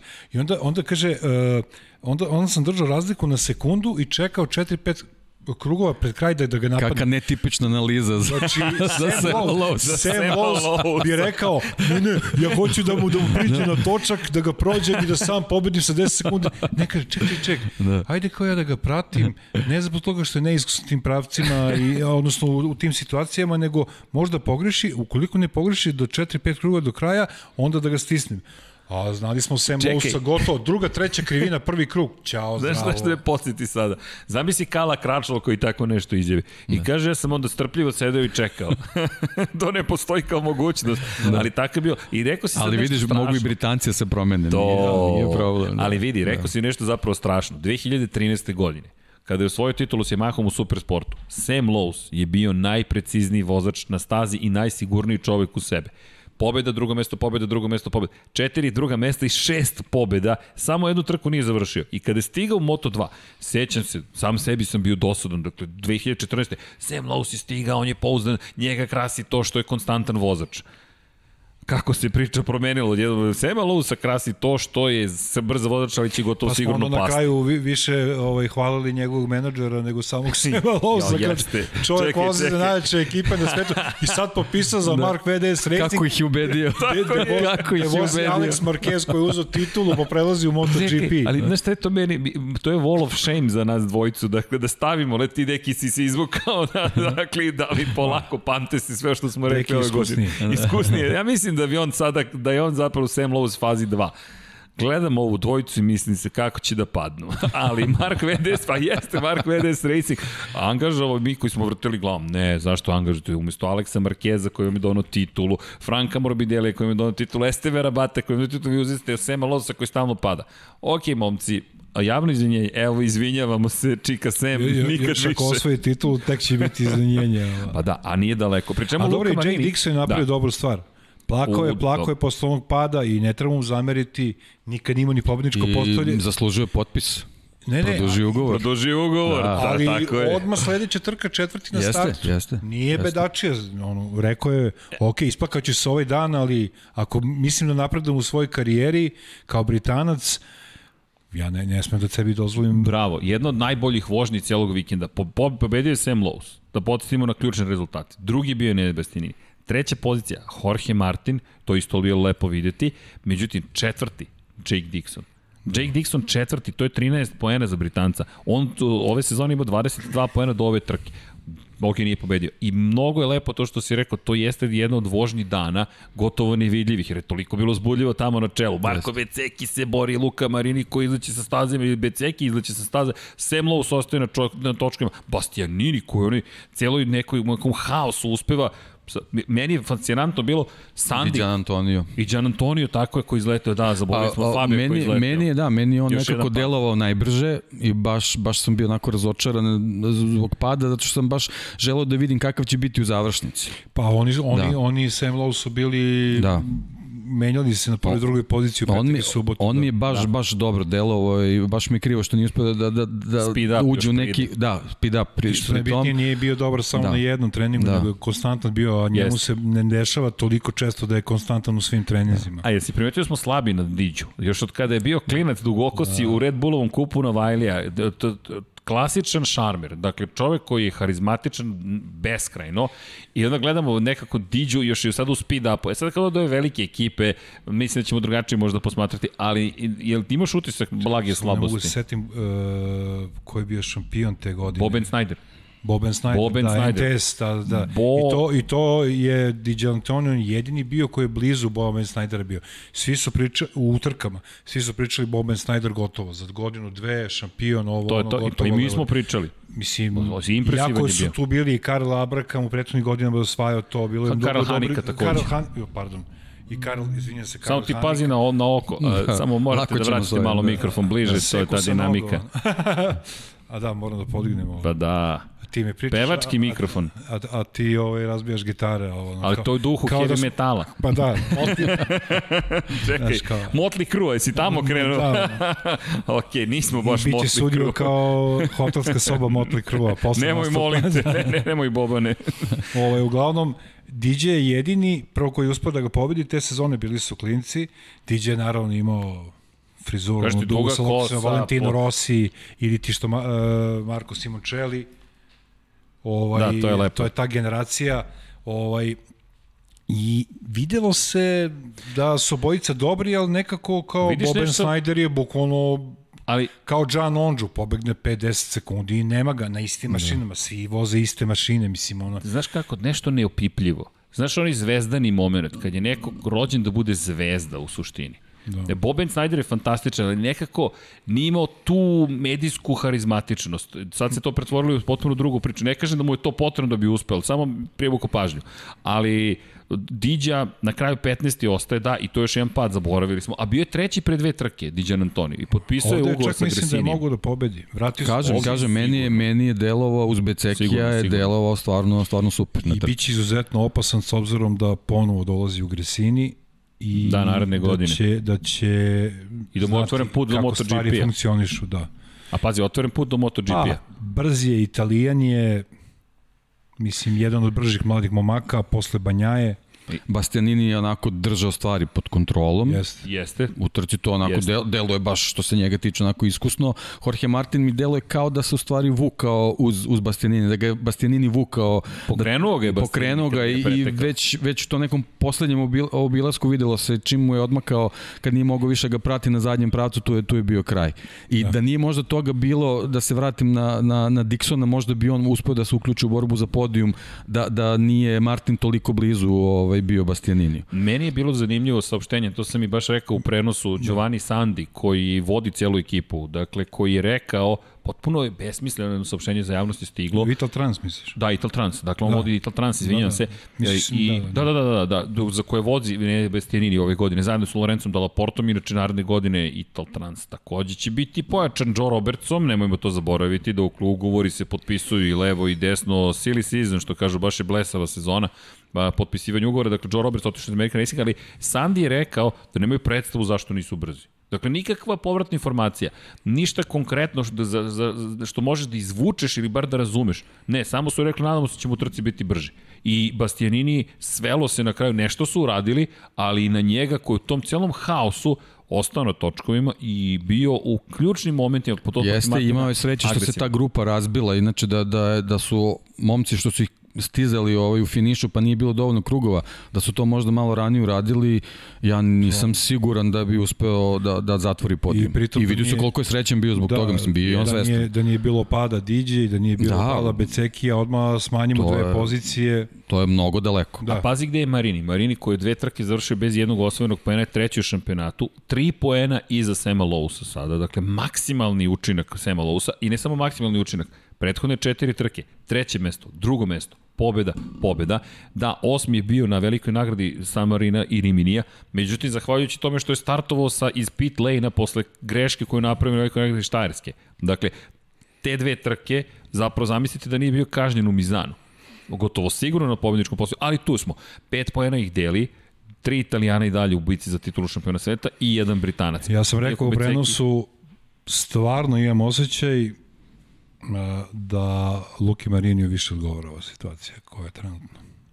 Ne znam, da, ja ne znam zašto, nemam, nemam nikakvu, uh, nekako mi po njegovom, ja sam... uh, po onome šta pokazuje na stazi i, i, i kakva je sama psihologija vozača, mislim da nije baš kao Lorenzo Baldassari koji voli da malo kao vozi kao outsider, pa onda poveže dve trke, dve pobede i onda ga nema nigde šest meseci. Uh, Mislim da Marini nije toliko ekstremni slučaj, ali možda mu je malo neki teret pao sa ok, povredio sam se, dve loše trke, ali već u, u nedelju bi mogao možda da bude onaj stari Marini, tači onaj Marini iz ove godine. Ne znam, ja sam, ja moram ti pristati skeptičan. Mislim da je Marini mnogo bolji kada vodi. Dakle, da je to njegova zapravo suštinska igra. Konstantnost, kada sediš na vrhu i kao u trci, Kada Marini pobeđuje uglavnom? Kada povede? Kada je on taj koji diktira tempo. Ali za to moraš da budeš koji... potpuno spreman. Ja Jeste. se plašim da on za ovu trku ni, nije, bio spreman. Jer ono ne tipična sigurno. greška. Mislim, ono je, ono je pozicija, ja, mislim, u trenutku nisam, nisam mogao da povežem šta se desilo i koji je deo staze, ali jednostavno to... to baš redka greška, baš, ti si već da, na izlazu da, da, da, da. i tebi odlazi motor, ti si ispušta se sa K15. To nismo videli ni jednom tokom vikenda. I slažem se s tobom, mislim da je posledica pada iz Lemana i da. on... Sad bi trebao već da bude, mislim, to je da, već Lemanu je već da... bilo viđeno, da. ali sad je mogo da vozi. Ali odlično je pitanje zapravo sad, da li, da, li, da li on može sada da se suprotstavi Lowe's u cijelovoj situaciji? Ja se nadam da, da ćemo imati bitku do Portima, to je ono što, što preželjkujemo. Međutim, mislim da i Bastianini i Lowe's imaju sada veliku prednost odnosno na Marini. Jer, kažem, kada vodi u šampionatu, mislim da je drugačija situacija za njega. Ko zna, možda je trebalo da ide samo daj da, da, da, da, da umanjim štetu koja će se ovde desiti. Ko, gde god da završim. Možda je to i bio pokušaj, ne znam. Ne znam. ne znam, ne znam, baš je, baš je netipično bilo što se tiče analize, ali ovaj, svi ti momci koji si naveo tu, još ima njih četvoro, petoro koji konkurišu za, za visok plasman, tako da uopšte neće, neće biti lako. Pa neki, s obzirom da do pre bukvalno 10 dana je razlika između Marinija i Lousa bila 47 Jeste. bodova, sad ne postoji. Pri tom smo imali situaciju da nam je nedostajao Martin dve trke je, koji da, morao da se koji, vrati. Koji je mogao i da bude da, još jedan kad je, da, i sada da. matematički ima. Loki pa da, ali sad ali, daleko da, je to sad, da, druga je priča. Slična je situacija kako, kao, kao što smo opisivali u Moto Grand Prix. Dežurni krivci su tu. Bastianini, Lowe's, Becek je bio fenomenalno brz. Marini, verujem da bi bio među vodećim petoricom, nije tu bio nedostatak brzine. Dakle, mi imamo dežurne krivice. Znači, Ver, Ver 46, tako. Mark VDS i Italtrans. I to, to, je to. To je to, to je, I, ali to je pet već. I Speed Up da. koji vreba. Da. vreba. Da, pa ne. I Jorge Navarro je bio dobar u treninzima. Jeste, jeste. Znaš, tako da to, tu vreba. I ne zaborimo Remija Gardnera. Spaso se Jorge Navarro Dobro je to prošlo. Da, da. Ono, da, dalje ga bilo. bilo je A Moto3, Loto. A pobednik je... e, ali tamo je... Ali ta, ali, pa se razlete kuglice. Tako je. Ali, ali tamo... E, ali upravo, baš si savršeno opisao. Da. Ko je broj 17, deco? Ja. Čekaj, što si baš izabrao broj 17? Možeš da nam, pa, da nam kažeš? Pa nemam pojma. Pa vidi, je to, to neka podsvest radi? 7 je moj životni broj, pa ono 1, 7, nemam pojma. Zašto baš 17? To mi je, to mi je onako zanimljivo. Pa mislim, jel moraš ti da znaš ko mene plaća? John McPhee? Zato John te McPhee pitam. treba da startuje... Broj 17, John McPhee. Ne, njemu, njemu ne treba dozvoliti da učestvuje u Q2, nego da startuje sa 18. 17. pozicije i onda će biti... I on bolje. ostaje u Petronasu. Da, da ostaje da, u Petronasu, da, ali gde da, u Petronasu? Da. Gde u Petronasu? Jer mi on smo... je odavno trebao Moto2, on je najstariji vozač Pa u Moto3 da, to smo absolvirali za njega i za Arenasa, da je to već trebalo da bude dobro. Tako Eto, je. Arena se konačno Arenas je pomera. otišao, jest. konačno se pomera. Možda i vrlo, vrlo, Da. sa titulom. Da, da. Pa, e, Ali sad. evo kako, kako ima nesreće, evo sad, Sad. sad ova trka je pokazala, bukvalno si do, do ono, da kažemo, poslednje krivine, pretposlednje kruga se tu kao boriš sa pobjedom, kraju završiš šesti, sedmi Ja koji je mislim, bio. zamisli u Portimao, recimo, četiri vozača se bore za titulu i zadnji krug Ukoliko ovaj pobedi, bit će sveti šampion. Ukoliko ovaj pobedi... Ma je, to je scenarij, to je scenarij. Čekaj, upravo da, to, je scenarij. Dakle, Mđaume Masija, prva pobjeda ove sezone, Masija 36 poena, zaostaje trenutno za Albertom Arenasom koji vodi u šampionatu sveta. Masija je šesti, dakle u šampionatu, u, še, u 36 bodova šest vozača. Četiri trke do kraja. Trka i po, nije ni toliko. Pazi, Masija je nadoknadio 16 bodova u ovoj trci u odnosu na Arenas. Samo u jednoj trci, to je ono što si ti rekao. Ti se boriš, boriš, boriš, boriš, Pa, što se Masija za, za pola kruga. I za pola kruga ti sa prve na sedmu poziciju. 4 puta 16. Če, ba, e, to, to, e, 4 puta 16, Kad bi moglo. 64. Da. I ti dođeš u situaciju, čekaj, Masija još uvijek ima šansu da bude prvak sveta. Ova pobeda ga ostavila u toj... On je samo niko u poen... petak pre podne ni, ni kao... Jesmo ga spomenuli. Samo konstatovali da ide u Red Bull KTM Ajo, konstatovali da je imao puno situacija u kojima je morao bolje da završi trku, da je poslednji krug kritičan za njega, da je pravio greške u momentima kao što je sada Arenas ostao bez važne pozicije i da ga je to koštalo. Međutim, Masija pobeda i samo poen manje ima od Johna McFee-a. Samo poen manje od Johna McFee-a. A Renas mora da, o, o, mora da reši ove, ove situacije gde imamo ono k- kao sprint u biciklizmu u finišu da. trke. On kao da tu neku taktiku ne, pogrešno ima da, da prerano pređe o, na, na, na bolju poziciju i onda on vuče sve ostali za sebe i na kraju ga svi, svi ga obiđu Ali- u tom talasu u je kojem se on ne Masija? snađe najbolje. Šta je radio Masija? Isto to je radio Masija. Vodim, vodim, vodim, vodim, vodim, vodim, vodim, dođe poslednji krug, u Mizanu ja idem defanzivno, sa spoljne strane me poobilazi tri vozača, onda u sledeći put u Mizanu kontakt u poslednjem krugu, ja izgubim kontrolu ne nad motociklom, nad situacijom, ispadnem iz ritma, nema me, isto sad Arenas koji je na početku radio baš dobro Da. stvari. Ne znam, ne znam, ovo ne, kao da ne ume da reši tu situaciju i on je, ako, ako grupa ima 12, on će biti 12. To, to, to mi je baš, baš čudno. Da Pri ne- tom, izvini, ima, imao guru koji nikako da se snađe, da, da, da uđe u celu Da priču. me ne shvatite pogrešno, Arenas mi ne, del, ne deluje šampionski. Ne znam. Ok, uzima puno bodova, redko greši, ali ne znam. A pazi ovo, najveća prednost od sva tri šampionata je u korist Alberta da, Arenasa, da, on ima 13 bodova prednosti odnosno Da, da, kao- na Ejo Guru. Razumeš ironiju Kao godine? ne, ne, ne smijem sada kiks. Da, da, da. On ima 13 bodova prednosti. On ima 13 bodova prednosti. Celestino Vjeti zaostaje 18 i onda imaš 29 Toni Arbolina, koga se nismo ni dotakli. Toni Arbolino. Ako je neko Maler. gubitnik celog Maler, vikenda, da. Maler, bukvalno to je Toni Arbolino. Dakle, sediš u avionu pored nekoga ko u tom trenutku ima negativan test na COVID, sleti, provere ga, ispostavi se da je pozitivan na COVID i ti, zahvaljujući procedurama, moraš u samoizolaciju i karantin i ne možeš da voziš. Čak i ako nisi zaražen, to jest ne znamo 100% da li jesi ili nisi. I moraš da čekaš rezultate U trenutku se boriš za za titulu. titul. Šampiona sveta u Moto3 kategoriji. Zato ja ne volim da se vozim avion. ok, vratio si mi. Ali dobro, vidi, taj, taj pritisak javnosti polako, Da, pre, da. strah od letenja, bazi, sve se to da izlečiti. Ali rekao sam ti, ako budemo išli u Portimao, mada to sad nemoguće, ne možemo da pređemo sve te silne granice kolima. dakle, letećeš ti meni, ja da ti kažem. Evo bradati deki, ono. I Da, da, da, nek ide on umesto mene da budemo, u, proseku da budemo ovaj, jedan uh, obrijan, drugi brad.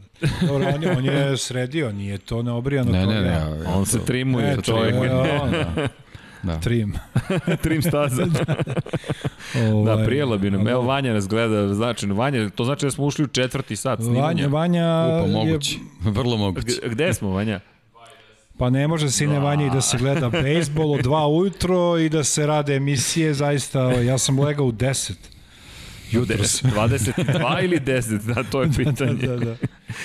Da, ali, ali da, Arenas koji, za koga si skeptičan ima najveću prednost u šampionatu. Meni, meni nisam skeptičan, podbačaj- nego nekako mi deluje, što Deki kaže, ok, ali Kad je cela ta gužva, on nekako... da, da, nema nekako Izvisite, više volim, da, da.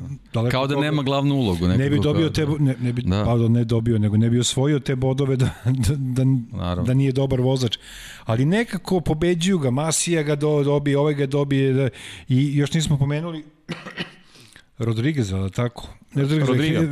ne, Rodriga, nego Fernandeza. Pa. A, Raul Fernandez, da. Čovek, Raul Fernandez da je... se voze samo pol pozicije i Q1 i Q2 već bi bio, već vjerojatno bi matematički bio šampion. Čovek ne može da pobedi. Znači, i, da, i ove, ove nedelje prvo izašao na, na, na poziciju broj 1. Držao se, držao se, mislili smo da će da, da, da će da ga pojedu na početku, da će morati po običaju da tamo s 10. 11. pozicije prati šta se događa. Međutim, on je vodio prvi, drugi, prvi, drugi, treći, prvi i opet nije pobedio. Ja sam bio uveren Ali- da će ali pobedi, vidi, rekao sad je to. ali I opet- sam je najavljivo, rekao je, ja moram da ali pobedim. vidi, vidi, ali ja mislim da, da, da, da radost koju on osjećao i ekipa, ovo je dovoljno. Prvo pobedničko postavljaju u karijeri.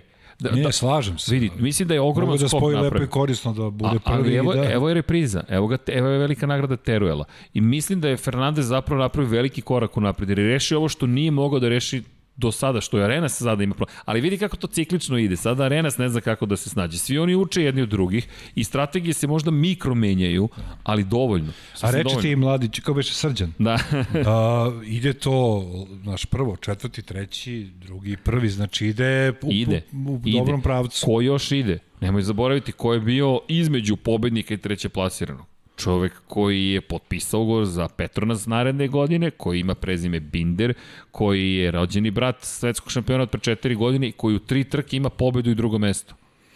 Da. Vidi, Derin Binder je... Za koje godine mi mogli da imamo koliko? Troje, e, e, Bindere, Markeze, osvojio najviše poena od svih vozača ove poslednje trke. Espargarovce, znači Da, da, da, pa pola, imamo, imamo, pola grida braća. Po, porodice tu. E, pa evo imamo obožavateljku ekipe Marquez, dakle, Da, ali da. poenta jeste, i to je meni okej. On ne može da dočeka mart sledeće godine. Znači, da, da može da se ukuca u nekoj, kao povrtak u, u, da, u budućnost, Pa samo da. kontra varijanta. kontra. 8. mart 2021. ajmo. da, ali pa i kada pričaš već o kalendaru, dakle nismo spomenuli, a o to, to vredi spomenuti, dakle kalendar je već pripremljen za narednu godinu, kada kažemo pripremljen, izdato je saopštenje koje nam govori u prilog tome da ćemo imati u, u, u sledećoj godini dva kalendara. Jedan kalendar standardni i jedan COVID-19. Za svaki slučaj. 19, tako je, za svaki da. slučaj. Dakle, um, poenta je ono što je Carmelo Espeleta rekao, šef Dorne, da kompanije koje drži prava na Moto Grand Prix, da imaju sve datume već sada pripremljene. Nisu još uvek u poziciji da saopšte koji su to tačno datumi, pošto rade zajedno ono što je meni fenomenalno, sa Formulom 1 kako bi izbegli podudaranje. A tu imamo problem. A tu imamo problem. I imamo pomeranje sada satnica kako bismo... Ali, ali meni fenomenalno, za razliku od ove kritika direktna organizatorima Roland Garrosa, koji su saopšteni, mi organizujemo naš Grand Slam tada, a vi ostali turniri, snađite se. Ne interesujete nas i to su super. Inače, I smrzavajte se, ono, Tako je. Pratite Vision Go podcast, zaista fenomenalna priča i imate, imate e, bacit ćemo link, Vanja. Uh, u opisu ćete imati, dakle, link Vision Go, uh, naše kolege Ivan Govedarice i Nebojša Višković koji snimaju priče o tenisu, koji su baš pričali o tome šta je Roland Garros zapravo učinio. Ti si sila, ti si jedan od četiri najveća turnira na svetu i ti kažeš ja se tad organizujem, ćao A, da. I ne zanima me. A ovde je super, dakle, što negde govori o porastu popularnosti Moto Grand Prix-a. Bernie Eccleston to ranije nikad nije radio. Bernie, je, Bernie izda kalendara, vi se snađite. Vi se uklopite u mene. Dakle, rade zajedno kako bi to izbegli i to je sjajno čuti i mene raduje da dobijamo, dakle, sada već, mi pričamo u oktobru, obrise neke, makar iza vrata kalendara za sledeću godinu. To su dobre vesti. Da, Pa dobro, mi generalno kad je normalna situacija ne bismo u ovom periodu imali konačan kalendar. Ne, ne bismo. Tako Čak da- ni u redovnoj da, sezoni. da. Pre, pregovara se, potpisuju Pa naravno, ugovori, biduje, ko daje više, ko daje manje, ali je super. Neka sredina novembra, ajde Mada je možda MotoGP možda treba da novembra. kaže Da. da. Formula 1, uh, gospodo, mi imamo osam različitih pobednika u 10 trka. Mi ćemo da stavimo kalendar, a vi se snađite. A da, ali- Vozite sredom uveče, ja ne znam. Pa da, ali, ali nije meni naravno, ovo ali- fenomenalno, znaš, da, da tako za sada osam, sporta. moram da kažem, da stavim zagradu, za sada osam. Dobro, i u toliko kad već si e, tu, ko je deveti pobednik? To je ko nam pobeđuje koliko smo na rekli, deki, četiri kandidata ima. Pa četiri smo kao Rossi, sigurni. Mark A, do- Marquez, Alex Marquez Pazi. i ko je bio još? Uh, bio je Mir, Mir, I na Kagamija smo spomenuli. Kal Kračlo. Nakagami. Pa dobro, Kla- Kračlo, da, da.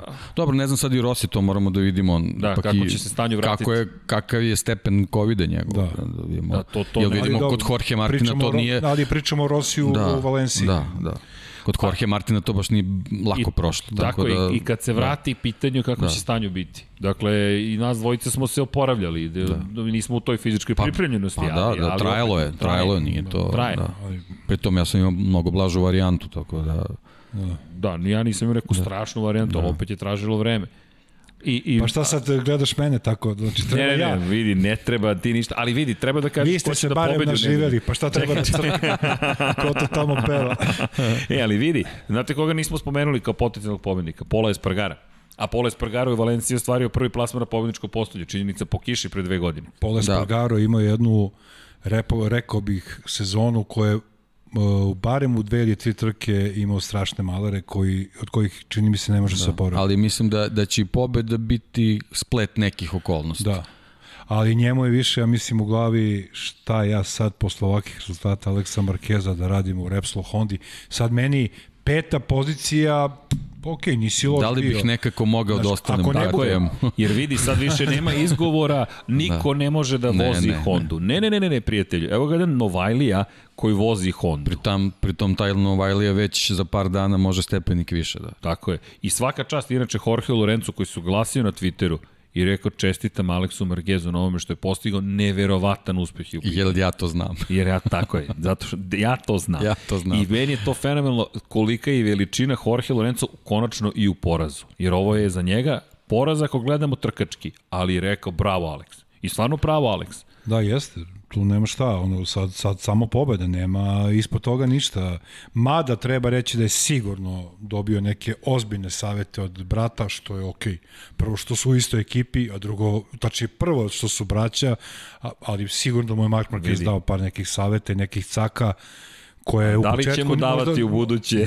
da. da li Pa- će mu davati u A dobro, buduće? mislim, Marki je odavno izjavio ljudi, moj brat je bolji vozač od mene. Da, to je davno To je rekao. davno, davno rekao. Jeste. Iako smo mi dalje skeptični, ali čekaj.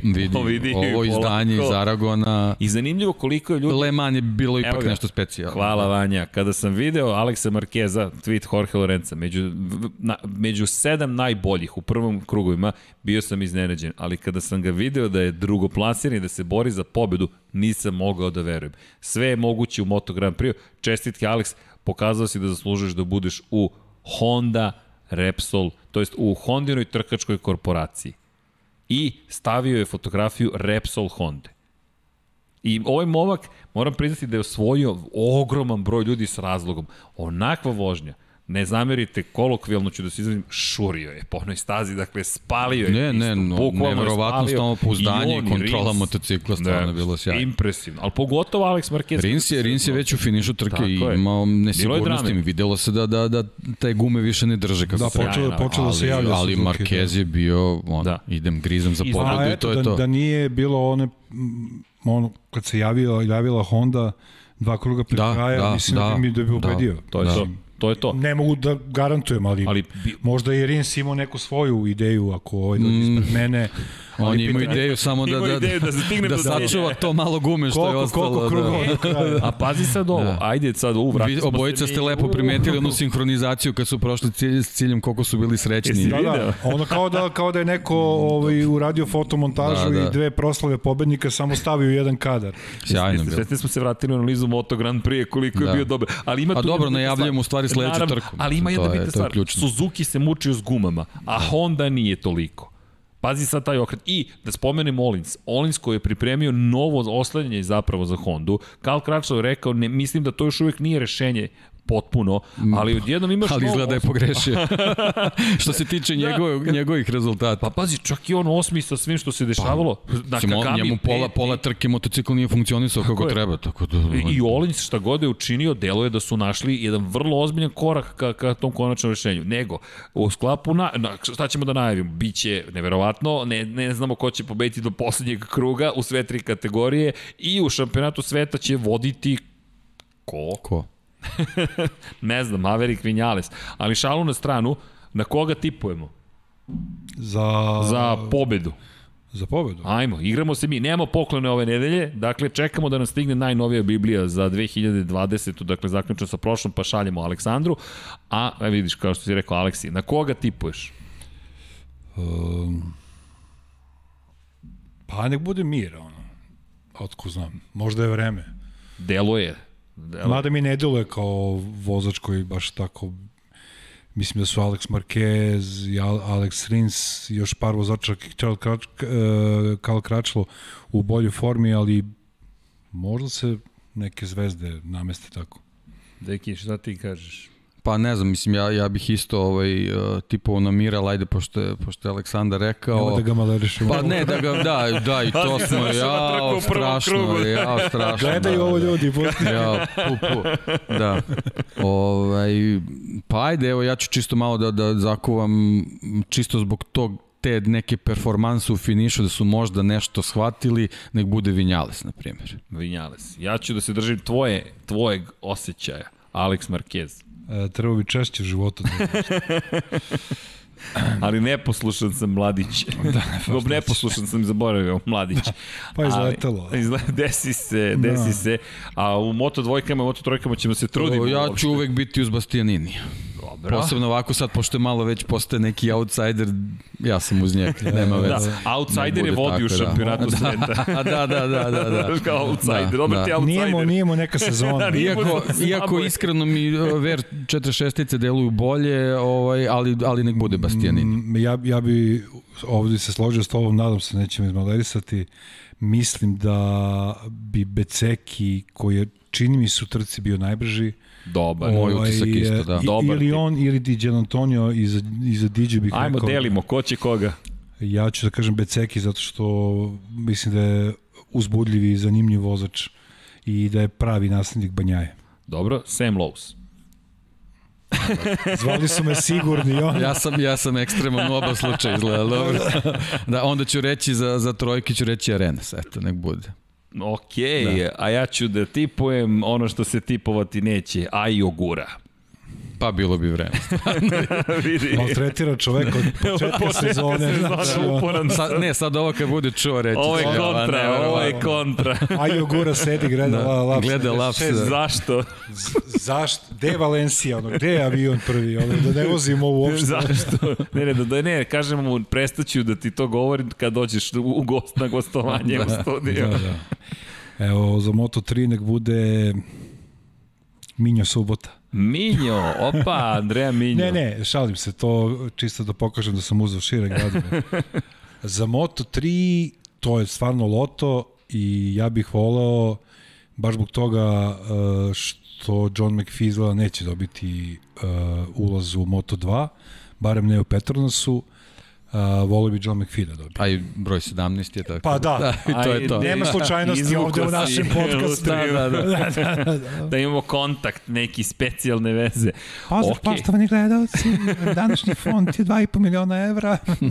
ok, gde je? Recite nam gde je. Da se bavimo tim unosnim poslovima, da. pusti ovaj podcast. Ne, ne, ali znaš, nećemo potrošiti to istog sekunda. Dakle, potrošit ćemo na ekipu Moto3 kategoriju.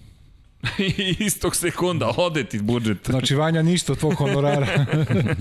A dobro, da podsjetimo samo Vanja je muško, da ne ispadne ovaj, bilo šta. Ba, Vanja, to moramo u svakoj emisiji. To samo ja izgleda govorim, a vi ništa. Va, pazi, Vanja je bio gost u Formuli 1. Tako da vidio znaš. Vidio da, da, da, Vanja je poseban jedan čovjek. Da, to je jedan profesionalac koji do, do 5 ujutru gleda bejsbol, pa onda dođe u 11 na snimanje podcasta. A Don Pablo je napredovao, sad samo iz pozadine posmatra šta radi Vanja i, i to je, to je Ne, ne, ne, nije, nije. Nije, nije. Ovo ćeš sad morati da staviš cenzuru, pošto nije ispratio, ne sme da se zna ko je. Dakle, to je drugi put da je izgovoreno ime ja sam, ja u, da izmereno u da? podcastu, da. pa da si pratio podcaste, znao bi da cenzurišemo izjavu imena. Dakle, gledao si na preskok. Ti si onaj što, što skače pa sa... imam slabi internet u kući. Znaš da ja nosim da ja imam Commodore, tako da... ja imam onaj e, stari... E, imaš Commodore, stvarno? Pa mislim da idem negde u, u ovaj podrumu. Ajde nađi, molim te, stiže nam polica ovde koje, na kojoj će stajati stari računari i konzole. Ja moram i kasetofon, onaj Moraš. Onaj, onaj CV, tako e, je. Dobro, okay. Tako je, i da testiramo da vidimo da li radi. Ok, ovo je bio Lab 76 broj 41. U 61. izdanju gledat ćete Aleksandra Đankića ponovo. kraća, kraća, ovo je bila kraća verzija. Kraća verzija. Ali šalu Ja sam stranu. došao zbog deke, izvini što moram da ti. E, da, to bi bilo zanimljivo. Da, ok, dao si mi sad još jednu ideju. Dakle, a, za Lab 76 ovde 76 ljudi mora da sedi. Da. Ne znam kako ćemo, ali ćemo se snaći za 76 Onda će izdanje. biti ružan 76. Biće ruža. Ali, činjenica je da, da, da treba da si odjavimo. Dakle, 41. izdanje. Nadam se da ste Čekaj, uživali. šta si ti ono teo da kažeš za LCR Racing? Šalim se. Hteo sam da kažem da ćemo da će gostoviti u 161. Deki, izdanju. e, deki morat ćemo da ogledamo ovaj, ovaj podcast na miru kod kuće ovaj, da bi znali šta smo pričali. Ja, Da. ja ne znam ni, ja, ne, ja se samo sećam da su mi dali ovu majicu da obučem, iako nis, nisu sponzorisali, nisu dali pare, ali ajde. Sigurno pola nismo spomenuli šta smo planirali. Čuj, ali ko zna šta je ostalo Da. iza nas, ali... Sva sreća ima još četiri trke, tako da ćemo se izvući. Hoćete još dva sata? Ne, hvala, to za novu godinu. Nemam, ni, rekli ste. nemam nikakvih problema, Vanja će nas i onako izbaciti uskoro, dakle, tako da je sve okej. Imamo toliko veliki hard disk. pa pazi, to je pitanje. Da. Znaš da nam se desilo toko jednog snimanja, ovako samo iscureo hard disk. Baš me čudi. Ba, baš Ne, ne, iznenađenje. ne, ne. Ej, vidi, mo- imali smo odjev od sati 40 kada smo pratili spuštanje, dakle, sa svemirske stanice.